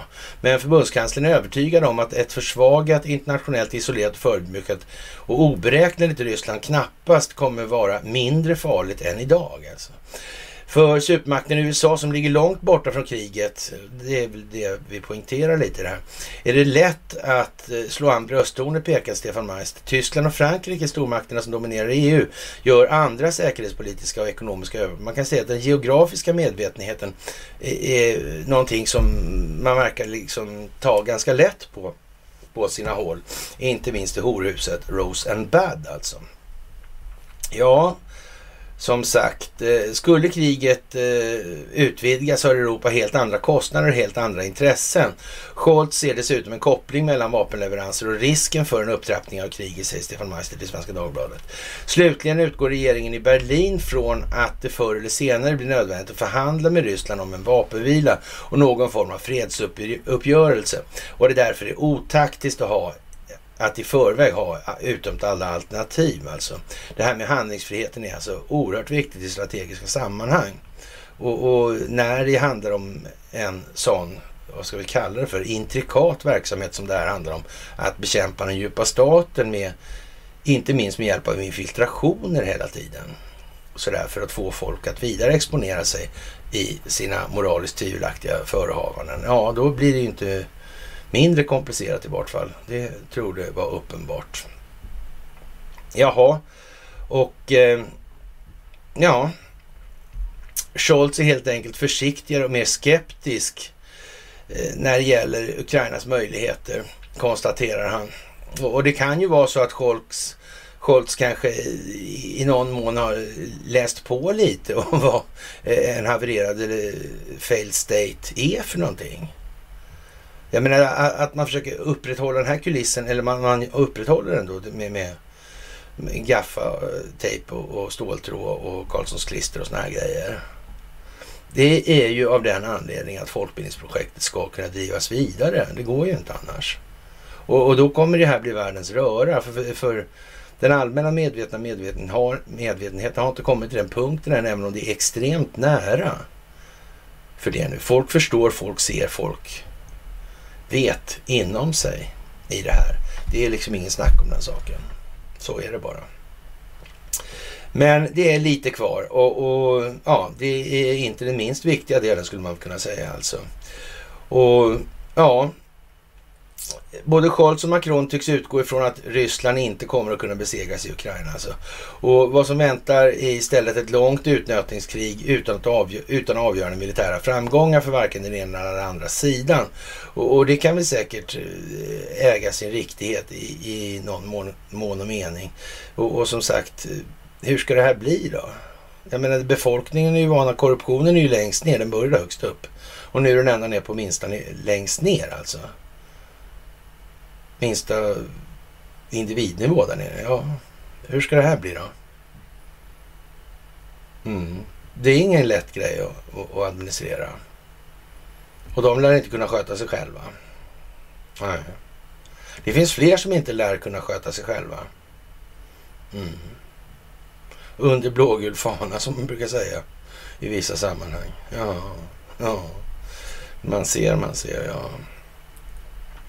Slutsatsen som Scholz drar är enligt Stefan Meister att Europa måste lära sig att leva med ett aggressivt Ryssland. Alltså ett Ryssland som inte accepterar de här, vad vi ska kalla det för, trakasserierna. Och att man lägger sig i Rysslands inre angelägenheter på ett brutalt vis och så vidare. Som man gör i Kina. Som visserligen är försvagat men ändå starkt nog skapa instabilitet och oro i Europa. Och, och, det får man nog leva med. Och man kanske ska ge fan i att pilla på det där alltså. Och, och sukta efter deras naturresurser och deras inre marknader i någon annan mening än vad som är moraliskt försvarbart alltså. Mm. Och vi kommer tillbaka till det här, eller vi kommer in på det alldeles strax. Vad är det här egentligen för någonting? Och Sverige får naturligtvis försäga sig själv i det och visa och hänga upp repet som vi ska hängas i, i den meningen alltså. Till det hör också en ny europeisk säkerhetsarkitektur där Ukraina knyts närmare till EU. Och det ska nog stämma. Och får status som kandidatland, vilket ledningen i Kiev hoppas ska ske redan i juni då. Och att det sedan kan dröja en 15-20 bast sådär, eller tills ett eventuellt medlemskap, tros vara mindre viktigt. Vad som räknas är signalen till ukrainarna och till Moskva. Och det kan väl vara lite bra sådär. De får väl stå där under någon form av internationellt fögderi i 20 år sådär till de har visat sig värdiga eh, att så att säga slippa det. Och då kan de få börja bestämma själva hem, hemma istället då. Och det verkar väl vara en trevlig lösning kanske. Ja, Samtidigt måste EU-länderna höja försvarsanslagen och skapa en tydligare europeisk säkerhetspolitisk profil. Det är både Tyskland och Frankrike överens om och vi måste, man måste ju så att säga hålla hökarna på mattan lite grann sådär. Hur det ska ske råder det däremot mindre samstämmighet om och det kan man ju säga så här att Ja, det, den lilla samstämmighetsskillnaden den kommer ju naturligtvis, det lilla deltat där, det kommer naturligtvis vara helt avgörande för det blir ingenting av med det där projektet med, med så att säga, den ja, reguljära militära verksamheten kommer inte behövas i den meningen. för ja, Emmanuel Macron driver hur som helst massivt på för det europeiska försvarssamarbetet då. Alltså, Olof Scholz är försiktig, han vill undvika allt som skulle kunna ses som en försvagning av NATO och relationerna till USA. Och men det som sagt verkar ju Recep Tayyip Erdogan vara ganska intresserad av att ja, så att säga, undersöka närmare hur det egentligen förhåller sig med det där. Bakgrunden är att Tyskland är beroende av det amerikanska kärnvapenstödet ja, ja, som en säkerhetsgaranti medan Frankrike har sina egna kärnvapen. Som EUs viktigaste land och världens fjärde största ekonomi vore det naturligt om Tyskland tillsammans med Frankrike tog på sig ledartröjan när EU omprövar sin säkerhetspolitik och relationerna till Ryssland. Den stora frågan är om Scholz är villig för det här. Gustav Gressel, säkerhetspolitisk expert vid European Council of Foreign Relations, är skeptisk. Scholz söker motstånd i det egna socialdemokratiska partiet. Men i kristider måste en förbundskansler våga fatta han möter motstånd, måste jag säga. Ja. Men i kristider måste en förbundskansler våga fatta obekväma beslut, beslut som så som Angela Merkel som drev igenom en i partiet omstridd flyktingpolitik 2015 och stödde Grekland i eurokrisen, säger han till SVT. Och eh, hon begrep ju att det här får inte bli havererade statsobligationer, men det fattar inte de andra. Så det var inte så mycket att snacka om. Ja. Stefan Meister vid tankesmedjan DGAP håller med med Scholz må ha befogade invändningar mot USAs målsättningar i kriget. Han har förmodligen också mer realistisk syn på Ukraina och Rysslands framtida roll i Europa. Och, och, det verkar som att eh, rätt många har förstått det här. Och, men läser man så att säga texten till sitt primärt nominella värde här alltså det första då alltså. Mm, och inte tänker efter, då, då, då, ser det ju lite konstigt ut. Men bryter man lite i texten så ser man ju ganska omgående att äh, det här var fan liksom. Kom igen nu här. Ja, men samtidigt verkar han inte förstå eller vilja förstå att vi lever i en ny realitet i bakgrunden till att Tyskland inte leder den här krisen och att Scholz inte finner relevanta svar på den ryska utmaningen konstaterar han då. Och som sagt, det här är Svenska Dagbladet idag alltså. Och ja, Putins signal sätter skräck i västledarna. Ukraina, väldigt svår situation i Donbass. Ja, militärexpert om kravet skulle bli en köttkvarn här om allmän värnplikten. Eller man mobiliserar de värnpliktiga i Ryssland. Och, ja, ja, har, och sen kommer det konstigt en podd där. Lite lustig faktiskt. Mm, den utrikespolitiska redaktören SvD. Har Ukraina verkligen övertag i kriget? Ja, ja. Det är ju som det är nu helt enkelt. Här i Sverige är vi mer intresserade av HBQT och sånt. Regnbågar och HGBQT-paranoia nog räknat, det vill vi ha. Allvarligt alltså, i den här intellektuella lytes komiken och Soros-finansierade alltså avarten. Det kommer att straffas att hålla på med det och tycka det är viktigt alltså. Ja, i ett försök att vara mer inkluderande och välkomna till HBQT-gemenskapen i makaronlandet så har den franska staden Marseille tagit bort mamma och pappa från civila dokument och ersatt dem med termerna förälder 1 och förälder 2. Ja, det behövs alltså ta till rätt extrema så att säga, signalvärden för att få människor att reagera i det här.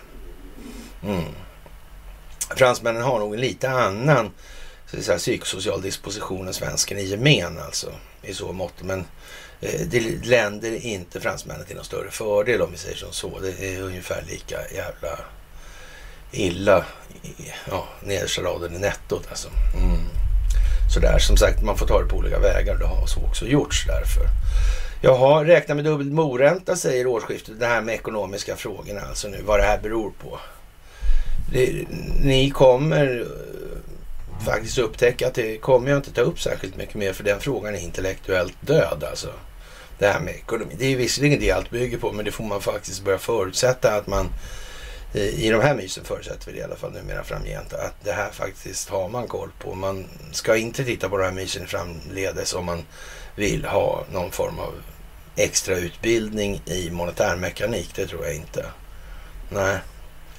Eh, däremot så kommer det att komma i poddformen då, Free People's Movement här, så kommer det att komma ett klipp om monetärmekanik. Det kommer det att göra också för säkerhets skull. Annars finns det ju, för de som fortfarande står ut med att höra mig prata, så finns det ju ett kort klipp på Youtube där och, jag tror det räcker att skriva skuldmättnad faktiskt i dem på Youtube. Så ja, det kan man ju tänka på kanske. Och det är inte särskilt märkvärdigt. Ja, och sen kommer då någon fråga då, hur kommer det sig att banken kan höja räntan nu? Har, de inte, har inte de fria pratat i, och sagt då att det är räntan som är problemet och höja räntan kraschar ekonomin och, och, snabbare och att banken inte kan höja räntan på grund av räntekostnader fundersam då kring det här och lite vilsen då och eh, man kan väl vara lite fortfarande ställa vissa krav på att man ska tänka i det här. Då kan man, även om man är vilsen sådär, får man försöka tänka då sådär. Och, och tror man då att man vill höja räntan och haverera systemet och som blir fallet nu då. Om man hade, då hade de kunnat göra det för länge sedan då istället. När de hade då. Varför försöker, började de inte bara ta 30 procent för? På en gång. Vad beror det på? Om de vill, ha, vill ha, haverera systemet. Mm. Ja, nu hamnar ju allt det här i knät på de som ska ha det i knät. Det, det, är ju uppenbart. Och det kan ju möjligtvis vara en sån liten detalj som de som motverkar den djupa staten har tagit med i sin strategiska planering. Det skulle ju kunna vara så rent utav faktiskt. Och det här börjar som sagt som en stingoperation i USA. Den verkställande handen. Mm. Och det amerikanska utrikesdepartementet är ju då så att säga den här vita handen som har skött göranden och låtanden för djupa statens räkning på inrådan eller anmodan av de som sköter den strategiska planeringen. Och de är ju betydligt äldre än amerikansk utrikespolitik. Mm. Så är det ju. Mm. Ja, ja. Så är det ju. Mm. Det är de gamla Ostindiska kompanierna alltså som det handlar om. Och sen har det här så att säga växlat ur och växlats in i annat då när det moderna kriget fick utseendet av att 80 procent är då informationshantering och när telekommunikationen kom in i bilden så blev det hela vad det blev. Mm. Varvid man försökte gå ännu djupare under jord naturligtvis från den djupa statens sida. Då blev det verka utan att synas. Ja, ja det är ju lite sådär. Och eh, vi sa ju det att vi ska ta en vals om det här med vad det här egentligen är då. Och ja, man kan säga att investeringsskyddsavtalsdöden kommer på besök här vad det lider. Och eh, det här är någonting som väcktes som en fråga då. I, ska man låta då det här med Swedavia då? Ska man låta kinesiska företag ha hand om bevakningen där då? då? Säkerheten. Ja. Och, och, det är ju då, det handlar ju om då framtvingande förslag då om förbud mot utländska investeringar inom skyddsvärda områden då och, och, det här slår ju tillbaka nu genom reflexiv kontroll. Den här investeringsskyddsavtalen alltså Sverige har försett hela planeten med, eller i alla fall 184 länder då. Mm. Plus i dubbel upplaga då, eftersom det handlar om kraftförsörjningen också. Mm. Ja. Och, och, det här är ju som sagt, här får Sverige hänga upp repet för sig själva nu. I anledning av Sveriges säkerhet och utländska investeringar så noterar vi att Molgam då, ja, mollgamen alltså, den dystra gamen, uttryckte sig så här i ett svar i en debatt i riksdagen. Och, och vi tänker liksom, eh, kan det vara med Huawei-bäring det här och, och, så vidare när svenska staten slänger ut? Och ni kommer ihåg den här stämningen som är då från Huaweis sida. Ja, eh, stacklade det inte Morgan? Ja, det kan man ju tänka lite grann på faktiskt. Säkerhetsfrågor står högt upp på regeringen. Det här är Morgan Johanssons egen version alltså som kommer nu. Jag säger han själv. Ja, eh, som svar på en fråga. Säkerhetsfrågor står högt upp på regeringens agenda och det är angeläget att utländska aktörer inte ska kunna använda sig av direktinvesteringar på ett sätt som hotar den svenska, svenska säkerhetsintressen eller samhällsviktiga funktioner. Eh, ja, och med tanke på att vi är ett litet exportberoende land, då borde ju folk redan där undra om de här, kanske det här borde gälla i andra länder också. Skulle det här kanske kunna tänkas vara någonting som borde appliceras internationellt, att inte man kunde ta över länder på det här viset. För det verkar ju uppenbarligen vara det som är det upplevda problemet i, i den här frågeställningen. Alltså. Ja, eh, Regeringen har därför ut i augusti 2019 en särskild utredare. De gav alltså en särskild utredare i augusti 2019 en, eh, ett uppdrag då att, eh, en oberoende kan man ju gissa då förstås. Att bland annat, för, men det här är alltså 2019, tänk på det nu här alltså i det här, vem som var amerikansk president och, och vilka som 2019 fick nytt, nytt fögderi där på senhösten. Mm. November, december där. Mm. Och eh, ja, den här särskilda utredaren fick i alla fall uppdrag, uppdrag då, bland annat föreslå hur ett svenskt system för granskning av utländska direktinvesteringar inom skyddsvärda områden kan utformas. Uppdraget redovisades i november 21 och Statsoffentliga utredningar 2021 1 kolon 87. Förslaget har remitterats då till berörda myndigheter och så vidare.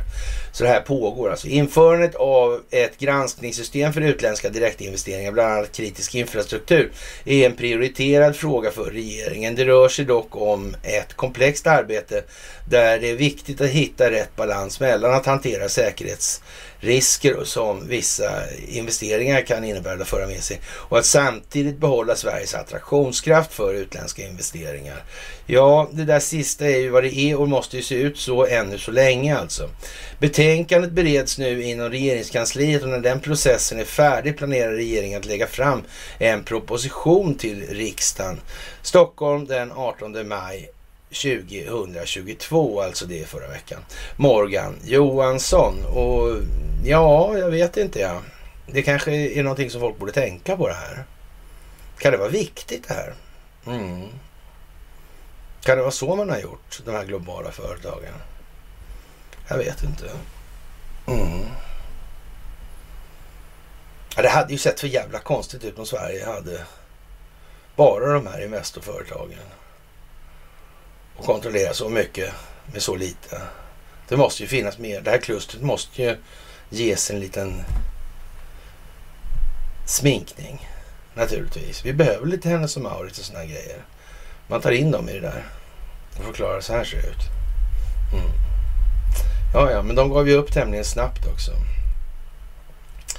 Jaha, och inför opinionsbildnings situationen så är det ju så här att inför informationskrigets nästa och opinionsbildningsmässigt avgörande slag som står nu alltså så kostar ett nummer av SVDs pappersupplaga hur mycket då?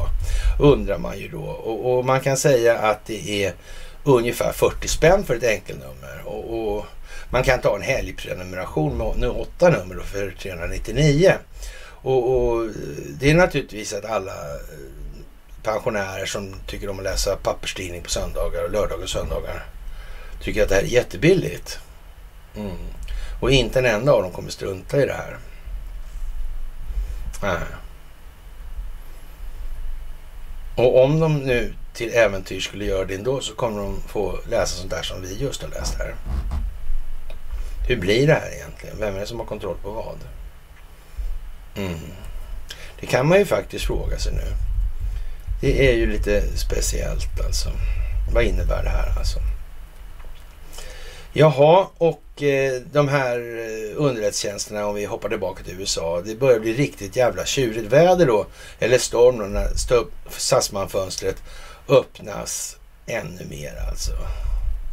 Det är ju liksom så. Frågan är vad Jim Comey gjorde egentligen. Mm. Ja, han verkar lite egomanisk helt enkelt. Det är så. Jaha, och grindar utan logiska kretsar, internet alltså, Bill Gates då på Göteborg, med Göteborgs humor alltså. Och hur funkar Bill Gates då utan eh, internet? Mm. Han betalar i alla fall. Microsoft betalar licensavgifter till. Mm. Och eftersom Ericsson tillsammans med Amazon har haft hand om Pentagon och CIAs informationshantering så svårigheten att stänga ner Microsoft. Det klarar ju i alla fall kineserna av att göra. Det klarar säkert Ericsson också om de vill. Mm. Men, men, Microsoft är inte så uppkäftigt. Eh, han är värre staffagefigurer än vad George Soros är. Han är en, eh, ja, gravid Soyboy liksom. Ja. Ego...manisk. Ja, som sagt, enligt uppgift. Papperstiger, ja, det ser starkt och farligt ut, men i själva verket är det harmlöst alltså. Ja, vad ska man säga om det? Verkar deprimerande. En svensk tiger. Men eh, det är kanske är dags för oss att resa oss upp lite grann och ta tag i det här alltså. Symbolernas hemliga värld har börjat gå på SVT Play. Det går parallellt i Finland, lustigt nog. Det här med förbjuda symboler. Man pratar om svastikan här. I ett neutralt land alltså. Mm. Att förbjuda symboler istället för att neutralisera de här alltså. Förklara vad det är för någonting. Ta bort den här konstiga världen. Varför gör man inte det? Det innebär att den här konstiga myten är någonting som man vill bevara alltså.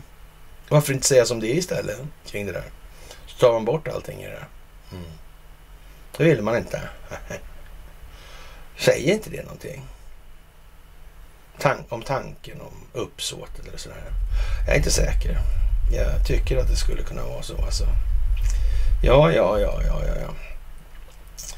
Jaha, ICAN då alltså. En kärnvapenexplosion får katastrofala konsekvenser. Sot och rök i atmosfären skulle leda till att temperaturen drastiskt sjunker. Det är dåliga skördar som leder till svält i hela världen. Och, och det är ju rena klimatsuccén. Då sjunker temperaturen. Det är ju jättebra ju. Ja. Och, och, kärnvapen är ju inte enbart ett politiskt vapen som existerar för den allmänna opinionsbildningens skull heller. Det är det inte. Eller är det det? Hur fan är det här egentligen? Vad var antyder den där boken som jag hade där? Eller läste högt ur? Jag sa något om det. Mm. Ja, det är jävligt märkligt alltså. Och hur var det med den där kärnklyvningen alltså? Christian Birkeland. 1906. Norsk Hydro. Den här Eide. Ja. Som var med och bildade Norsk Hydro tillsammans med Wallenberg och Birkeland. Mm. Aluminium. Oxid. Bomber. Tyskland. Japan. Kärnklyvning. Kärnvapen. Det är inte många personer det handlar om. Alltså det är väldigt få. Västvärldens första diplomat. 1907. Hade också namnet Wallenberg. Ja. Ja, som sagt, det är vad det är. Det är vad det är.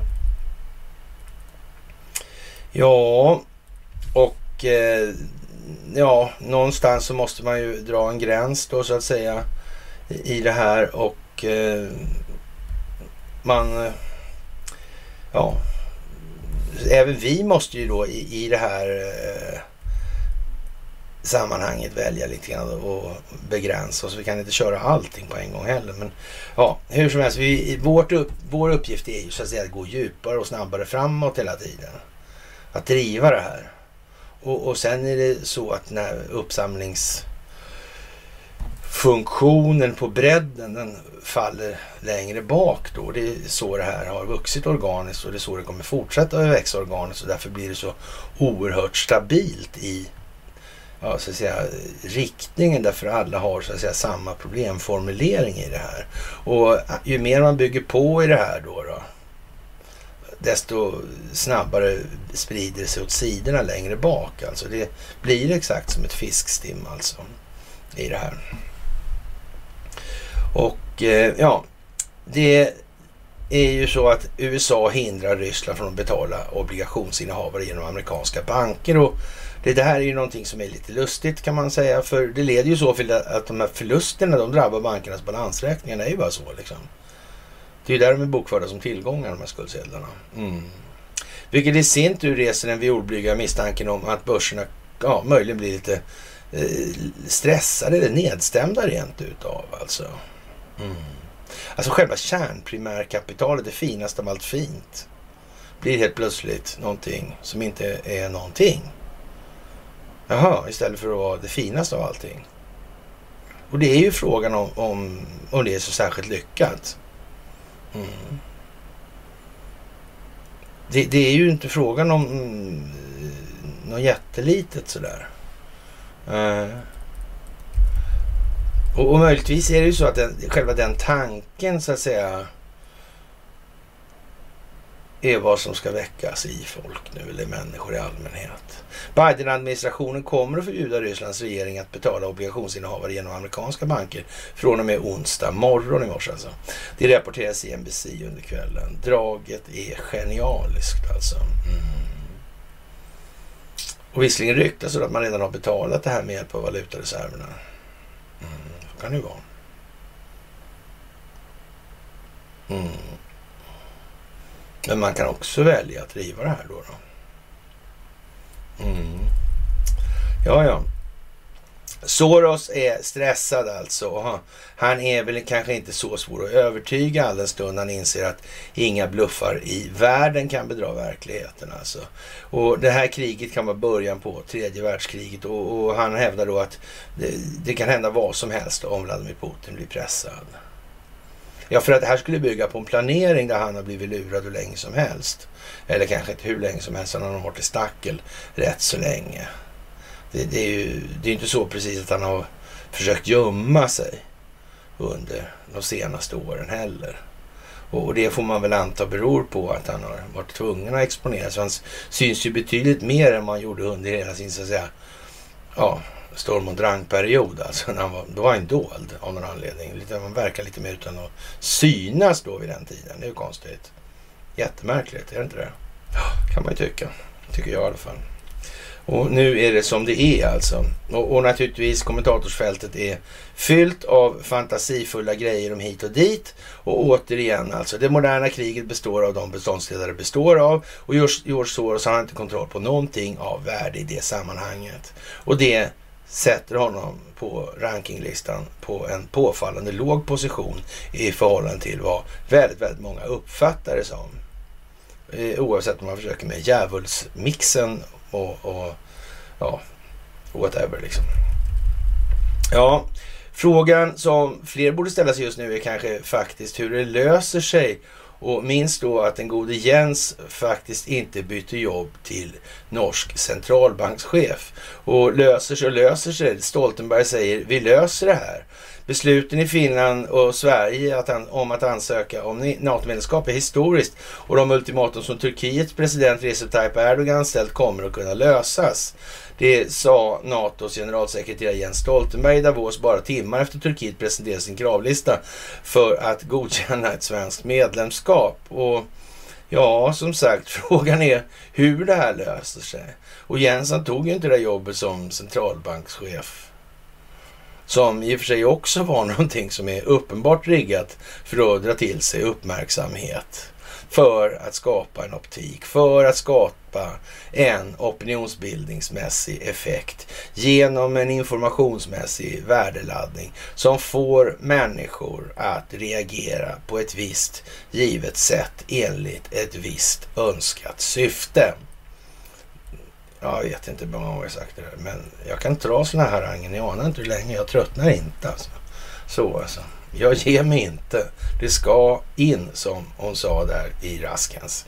Det sa hon inte. Den, den är stor som en kattaskalle sa hon förresten. Hon sa att hon inte tyar mer. Ja, ja, men i alla fall. Det här ska in i huvudet på folk. Det är bara så. Och Jens, han är ur det perspektivet en, vad ska jag säga, en rätt uppenbar marionett. Fast nu är det tydligen någon annan som håller då i tyglarna. Även om det ska föreställa att det är som alltid som vanligt. Va? För att människor ska förstå det här. För att den här optiken ska skapas. Så. Ja, ja. Sådär. Vi löser det som sagt. Ja. Det är ett frågetecken på den ja. Ja, Hermansson var det. Det måste bli tydligt att det är en polisstat som ska växa fram och journalister som inte sitter fint får sitta i frysboxar och, och ja, jag vet inte det här eh, Jack på Sobek där eh, har, ja, det måste bli tydligt. Det är överallt, över hela jorden. Det måste vara så här nu. Och, och ha förtröstan. Tänk efter, spring inte med känslan. Sådär. Gör inte det. Det är precis som vi börjar med, det låter ju för jävligt när Nokias vd säger att vi ska operera in alla de här. Men tänk till nu för fan. Nokia, det är inte ljusår ifrån Ericsson om vi säger som så. Det är inte särskilt långt geografiskt till Finland heller. Och de har inte bestämt någonting någonsin där sedan ja, Bo Jonssons Grips dagar. Och då bestämde de absolut inte, för det var hans tomt då på den tiden. Mm. De har nog räknat aldrig bestämt någonting någonsin någonstans i det här. Nej. Och, och tyvärr har de inte beskrivit det själva riktigt heller. Nej. Det är ju det. Finlands sak är vår. Ja, det var Finland ner bort. Eller det var inte alls vårt, det var Investors på senare tid. Ja, ja, ja. Ja, men de har ju Stora Enso. Ja, tjena. Stora Kopparberg heter det. Mm -mm. Vi hade ju trädgårdsmästare där en gång, Carl Johan de la Garde, som skötte upp trädgården. Mm. Ja, ja, och eh, som sagt, det här med Durham och den verksamheten, det är ju vad den är med det här Crossfire Hurricane och Sassman-fönstret. Det, det kom ju, ja, som sagt, det börjar gå mot den intellektuella döden det också nu. Det är helt givet vad det ska landa i. Och det är lite grann som att när, när man säger, eller jag har sagt det, så att det, det, här är intellektuellt dött. Och det är som att alltså, från början sa jag så här att det, tänk, det är ingen idé att diskutera de här virologiska aspekterna i det här. Alltså det, hela skiten var ju mycket riktigt riggda, upplagt så att det fanns ett felaktigt eh, test som inte fungerar helt enkelt. Och det gick liksom inte säga någonting i de, de sammanhangen. Det fanns någonting som var kanske farligt som en förkylning då motsvarande. Så gjorde man en medial show av det här istället.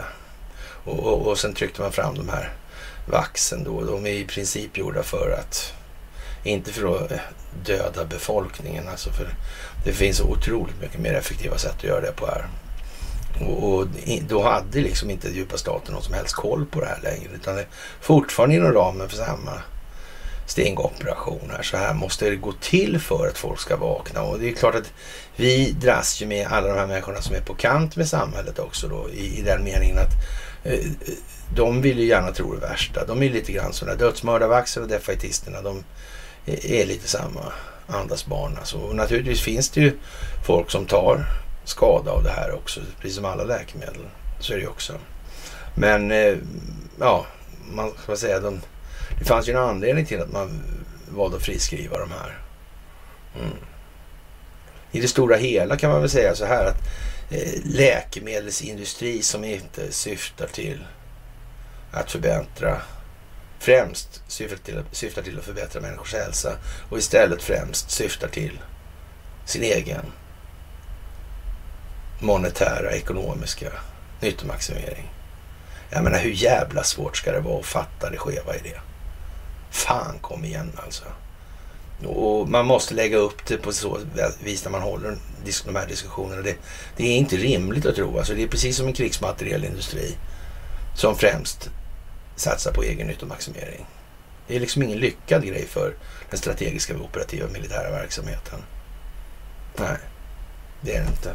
Det är helt jävla värdelöst alltså. Ja, ja. Och som sagt, Svenska Dagbladet idag. Vi har det på ingressen till och med faktiskt. Jaha, Kina varnar USA då för att leka med elden efter Bidens de här Taiwan-kommentarerna. Och, och det, det, är ju liksom ja, militärt försvara den självstyrda ön Taiwan i händelse av en kinesisk attack.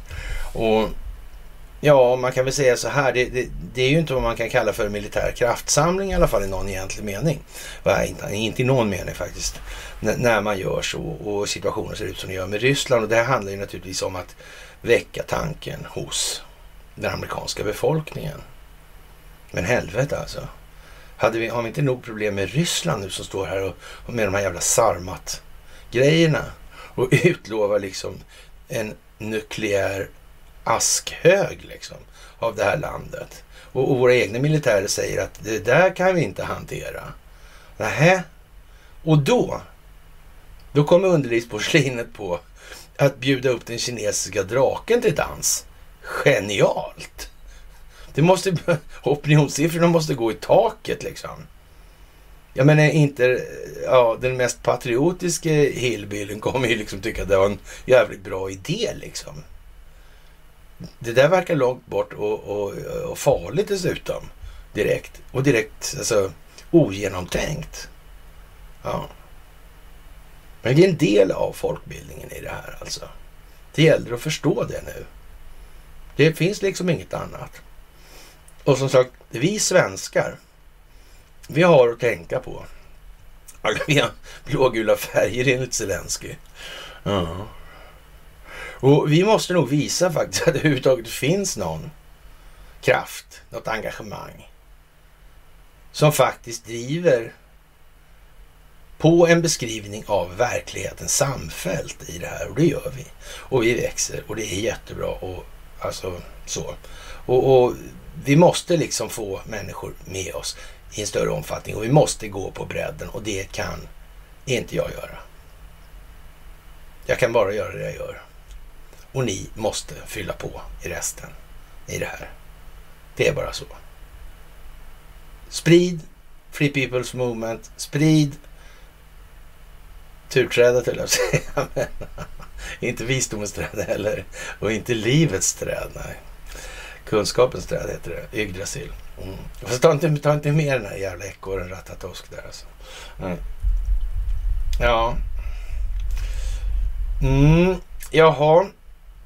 Ingenting sker av en slump alltså. Och, och, vad ska man säga, det här med ABB och alla de här bolagen.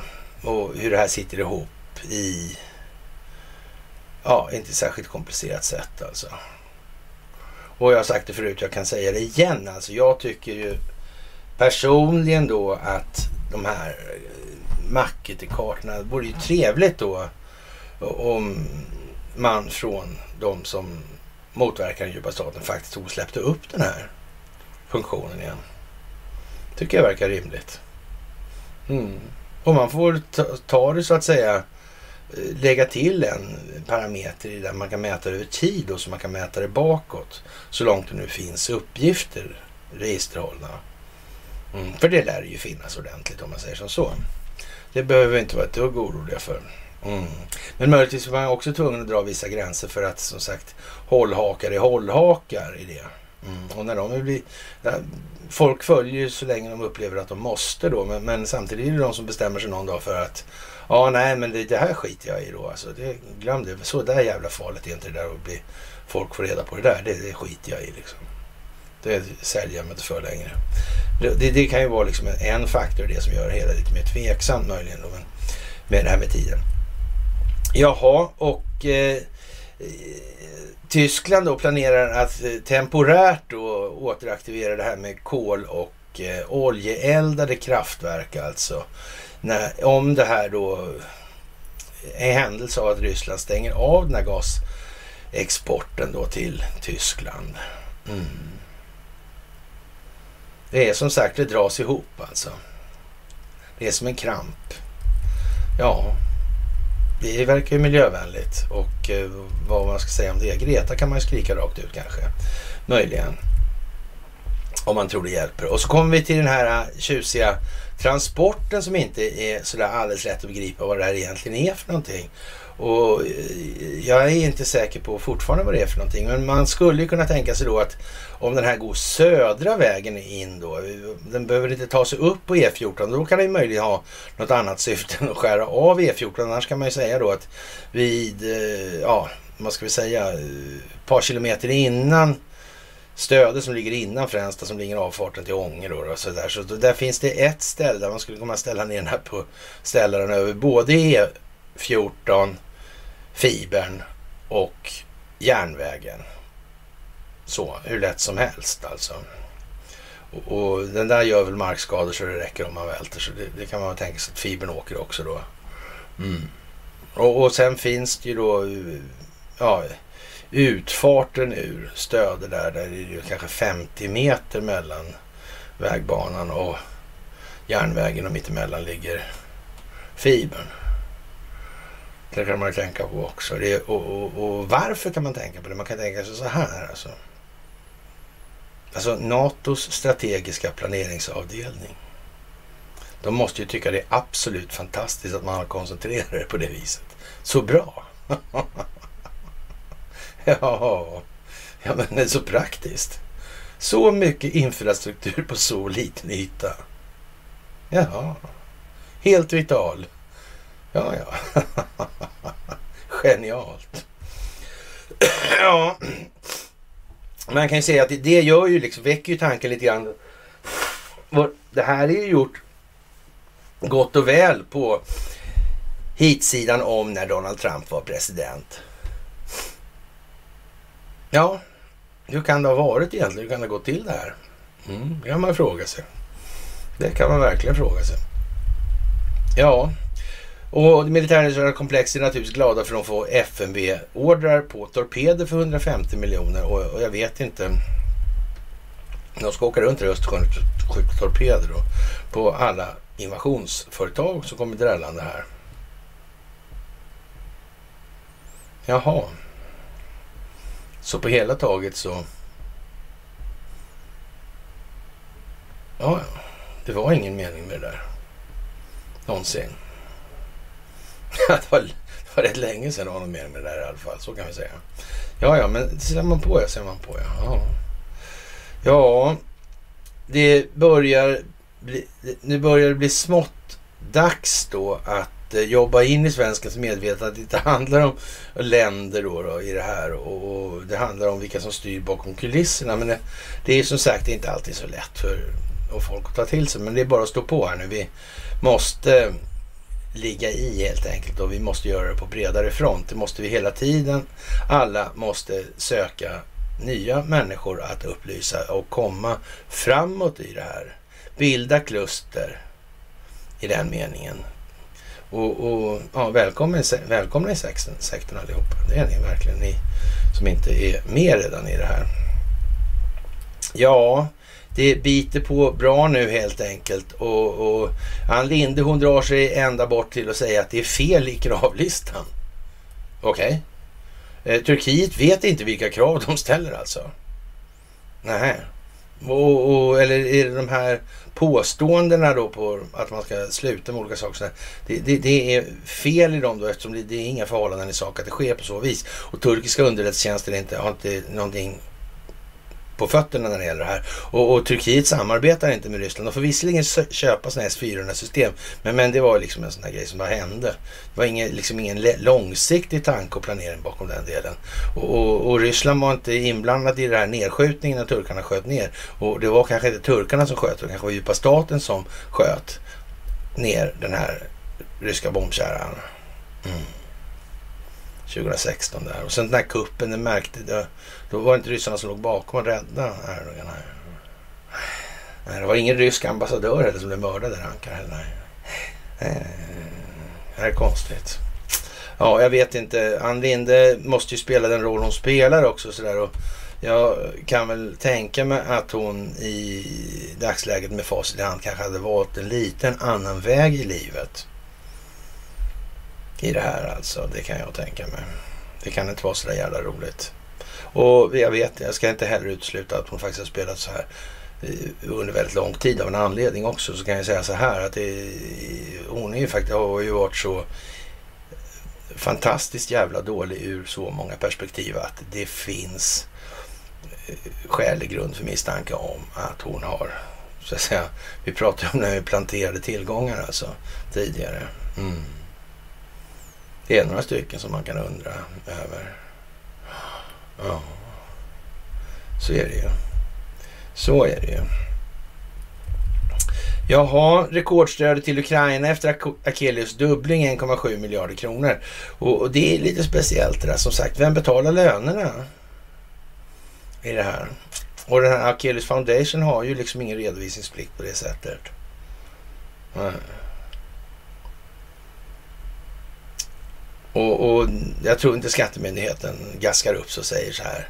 Fan Akelius Foundation, slänga pengarna i sjön på det här viset. Världssamfundet skulle ju vråla liksom. De skulle ju kräva dödsstraffets återinförande och, i allmänhet och, och för skattemyndighetspersoner i synnerhet helt enkelt. Mm. Det är nästan så det ligger i farans riktning faktiskt. Kan det vara tanken? Kan det vara tanken?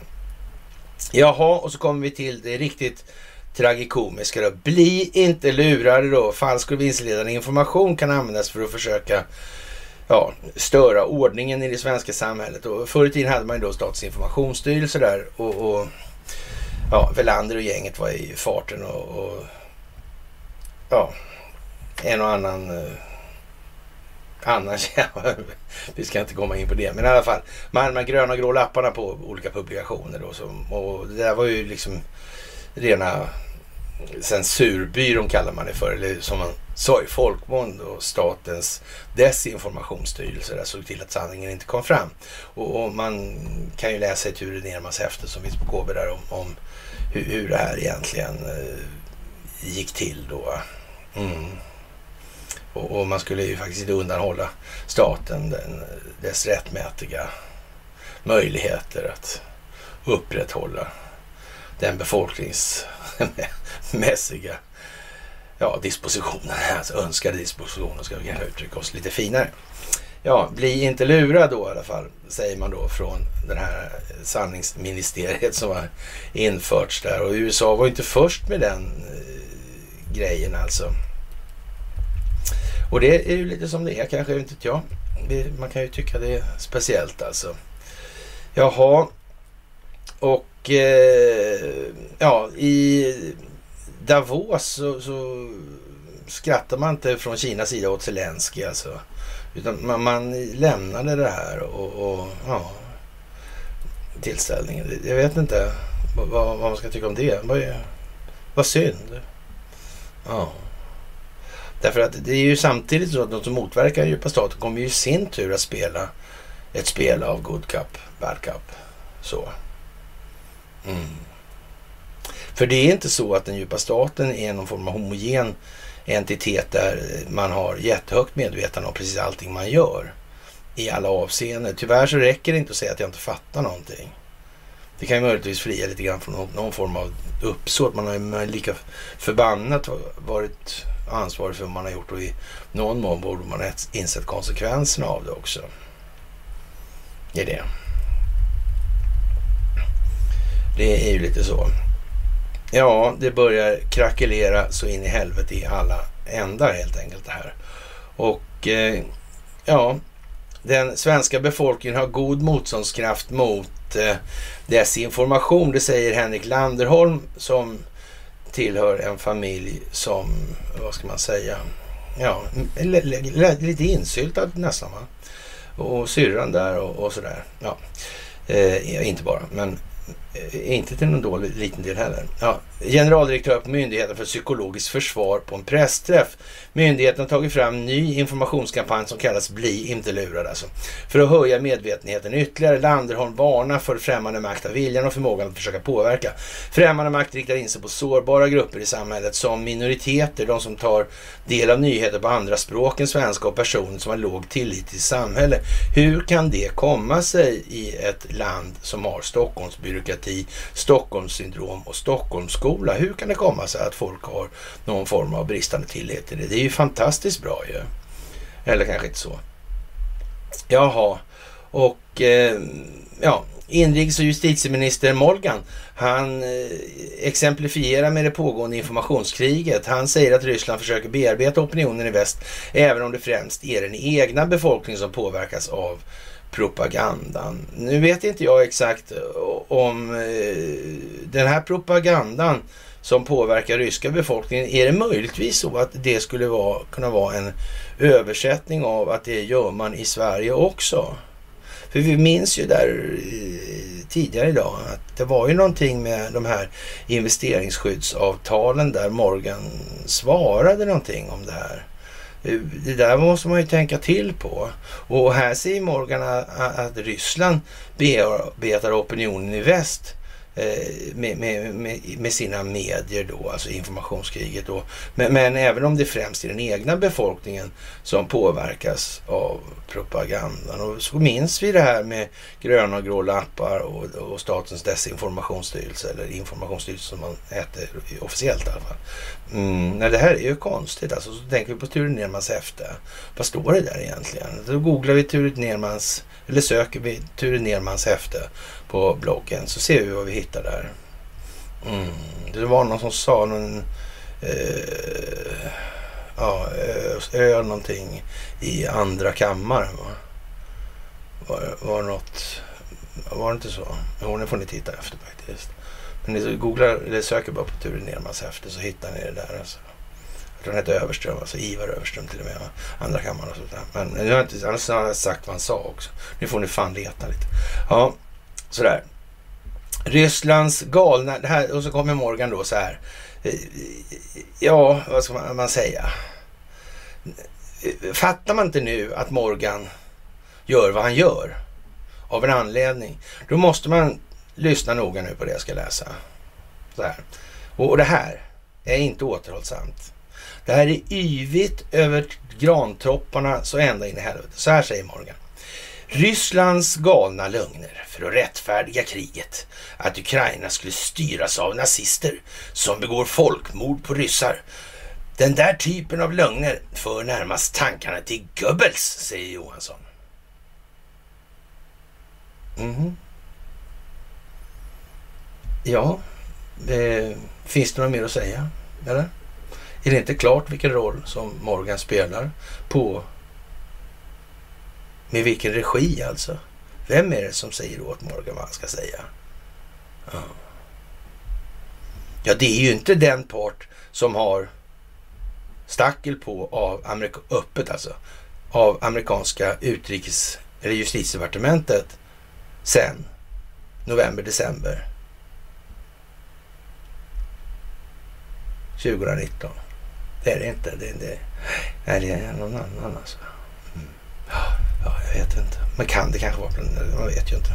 Den här bilden förresten, kommer ni ihåg den med Globen och de här fyra gubbarna? Det gör det va? Mm. Verkar ligga något i det där eller? Ja, vi får se. Vi får se. Jaha. Eurojust får lagra bevis om krigsbrott. Stor vinst för Sverige i dagens juridik. Och eh, Europaparlamentet har gett grönt ljus till nya regler för Eurojust, EUs byrå för straffrättsligt samarbete. Möjlighet att försvara och analysera bevis kopplade till misstänkta krigsbrott, folkmord och brott mot mänskligheten. Och, men eh, ja, som sagt, eh, det lär ju inte bli sådär uh, helt eh, smärtfritt för svenskt vidkommande om man säger som så. I vart fall inte den regi som landet har funnits i, befunnit sig i tidigare.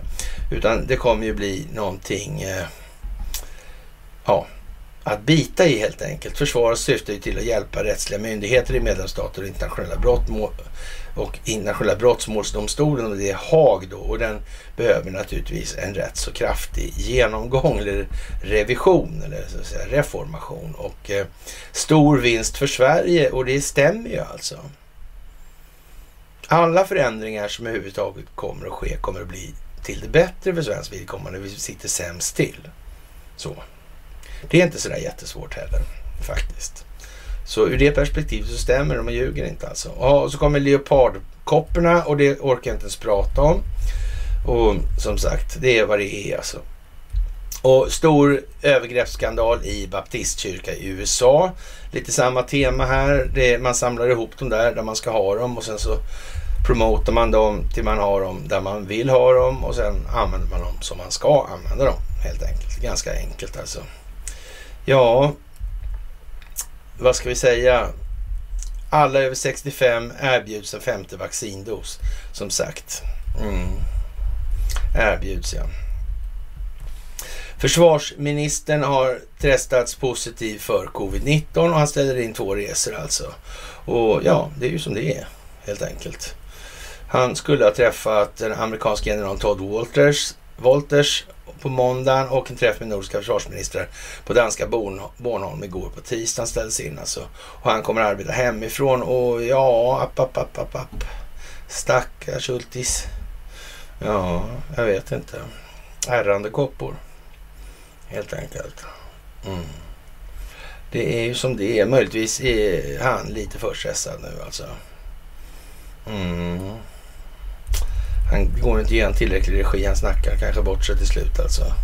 Han har ju lite problem med humöret där. Det kan bli lite svårt nu faktiskt. Och eh, ja, vad ska vi säga? Eh, public service roll på internet måste omprövas alltså. Och, Ja, snart ska SVTs, SRs och URs sändningstillstånd förlängas och en ny public service-utredning tillsättas. I samband med det behövs en granskning av bolagets roll på nätet, skriver två företrädare för Näringslivets medieinstitut DN. Debatt då, alltså på DN Debatt. Innan internet var uppdelningen mellan tv, radio och press tydlig och frekvensbrist motiverade på public service monopol och breda uppdrag, skriver de. Nu när alla medier rör sig mot internet Eh, nät, blandas text, ljud och video från alla tänkbara håll och tekniskt skilda branscher förvandlas till en. Debattörerna efterlyser en genomgång bland annat av hur bolagen ska genomföra sina uppdrag på nätet, deras förhållande till stora nätplattformar och hur det konkurrerar. Cirkus eller trovärdigheten är väl bara det som gäller nu alltså. Ja, ägardirektiv styrd eller trovärdig journalistik. Det är att vara eller inte vara. Det är ett Hamlet över det här nu. To be or not to be. När informationsrörlighetsriktningen har bytt riktning, då torde det bli annorlunda. Det är inte sådär jävla svårt att förstå egentligen. Det gäller bara att få upp kanske en ordalydelse, en bisats i skallen i de här sammanhangen så ser man det som är helt uppenbart. I och med det kommer insikten som skapar den optik som gör att individen själv kan utveckla vidare tankar i den riktningen. Det här är inte jättesvårt nu. Kom igen. Jaha. Erdogan han skriker om Turkiets gator, men terrorister på Stockholms gator och ja. Ambassadörerna säger att vi kommer inte ändra åsikter. De håller på nu under dagen här så vi får se vad som kommer ur det där.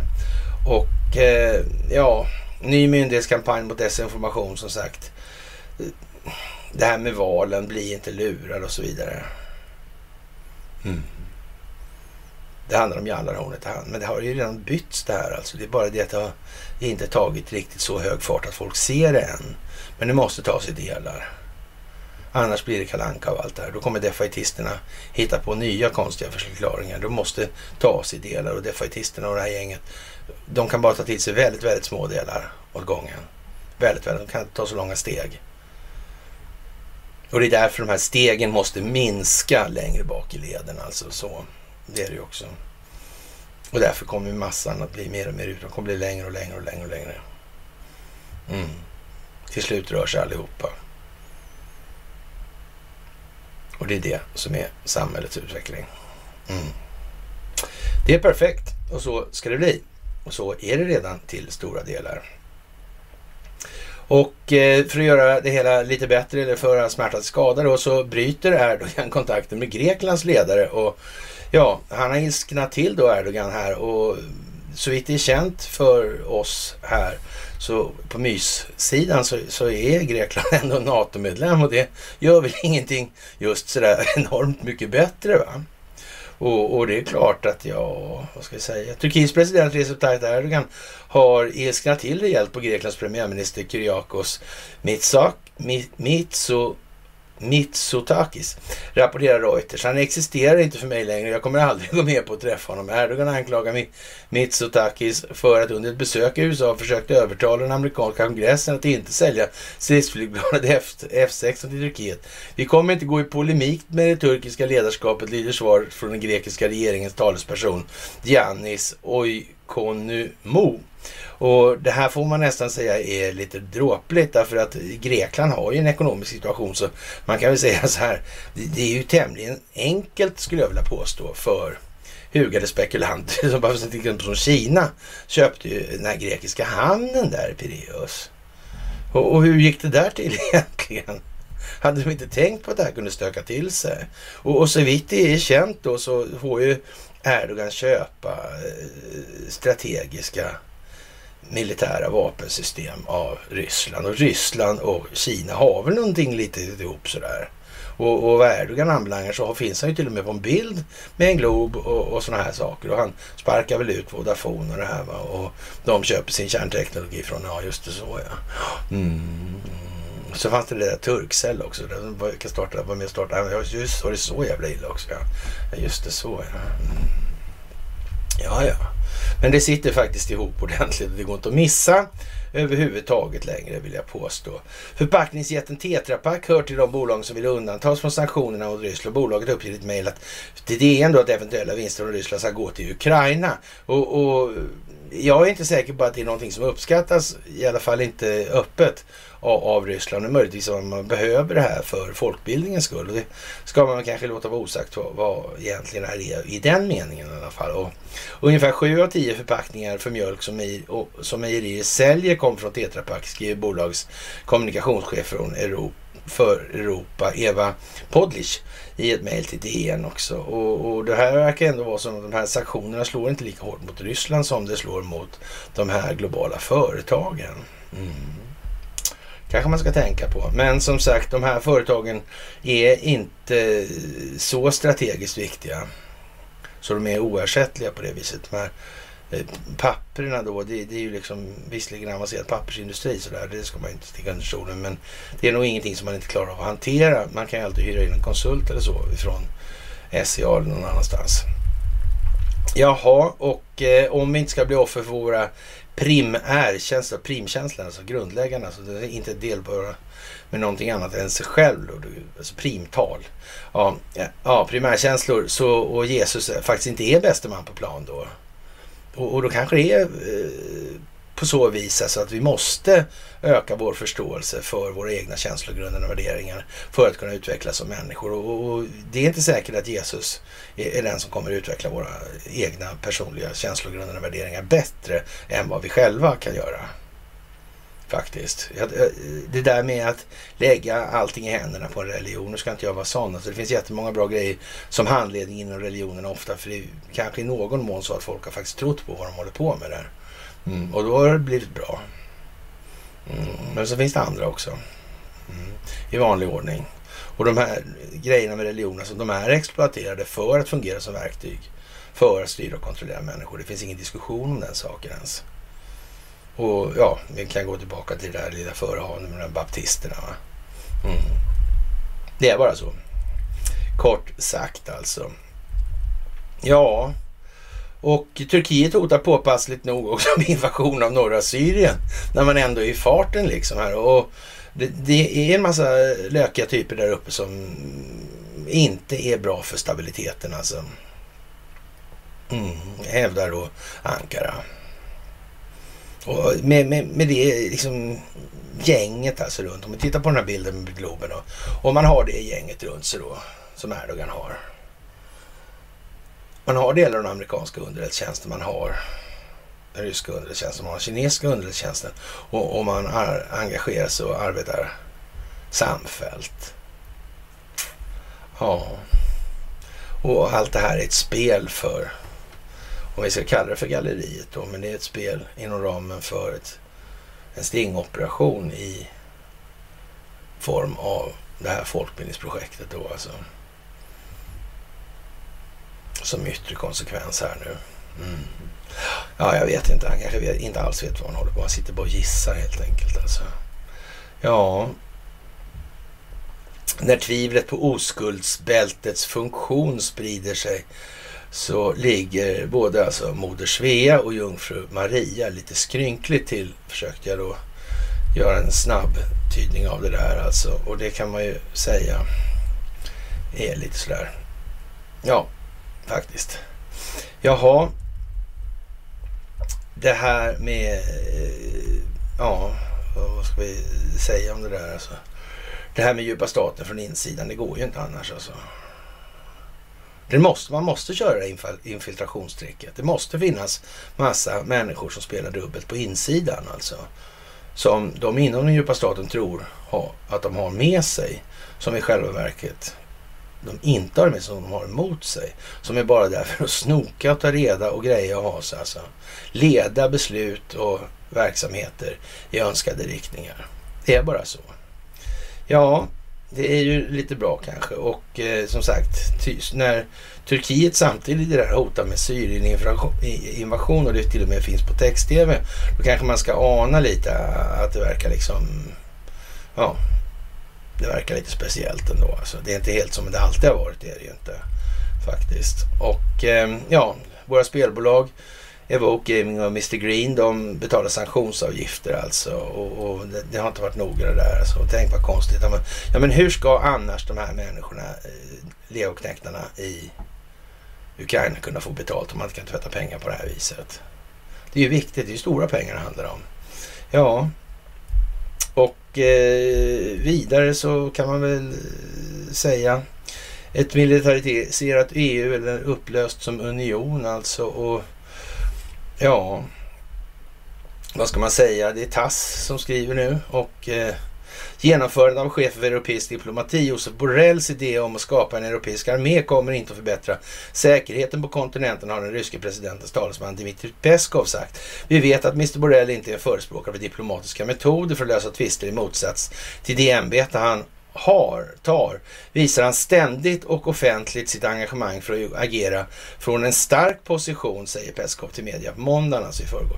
Han påminde om Borrells uttalande om att problemet med Ukraina borde lösas på slagfältet. Om Borrells uttalande för att skapa en europeisk armé sa Peskov att denna idé innebär en militarisering av EU och att förstärka Ukrainas militära potential. Det är precis vad som inte kommer att främja säkerhet och stabilitet på den europeiska kontinenten, säger Peskov. Eh, vi minns vad själva Atlantpaktens grundläggande idé alltså det här med att hålla Tyskland nere hålla Ryssland ute så att USA kan vara inne va? i det här. Och eh, det är precis vad som inte kommer att ske i alla fall. I sin söndagsblogg sa Borrell att Europeiska unionen behöver en egen armé för att ta hand om sin säkerhet. Enligt hans åsikt var den nuvarande säkerhetsmiljön ett tydligt bevis på att EU måste ta ett större ansvar för sin säkerhet. För detta, sa han, behöver alliansen en uppdaterad och kompatibel europeisk armé som kommer att försöka bygga upp sin kapacitet. Och jag vet inte egentligen om det här ska behöva bli så jävla mycket tydligare, men det kanske måste det, jag vet inte. Och Klarna går ju sådär alltså. Och jag tror att eh, när eh, SVT drar till med en eh, sån här, alltså Bert Sundström, fårostig om domen. Ja, kanske lite skämt kanske. Ja. Han kanske är getostig. Ja. Det här är konstigt. Mm. Hur är det här egentligen? Ska vi hålla på och tracka dem så här? Det ska vi tycker jag. Det är roligt. Ja, ja. Hur som helst, kära vänner. Med det vill jag väl påstå att vi har gjort vad vi ska idag. Och det blev ju lite långt som ni själva märker. Och eh, jag vill väl återigen tacka er för det ni gör och jag vill tillönska er en fantastisk pig lördagskväll. Och eh, återigen, tack för gåvor på Swish och Patreon. Tack för att ni hakar på Telegramtjänsten och tack för att ni fördjupar er på karlnorberg.se. Ni är fantastiska och nu lägger vi i en växel till och sen tar vi hem det här helt enkelt. Trevlig kväll så hörs vi senast på fredag.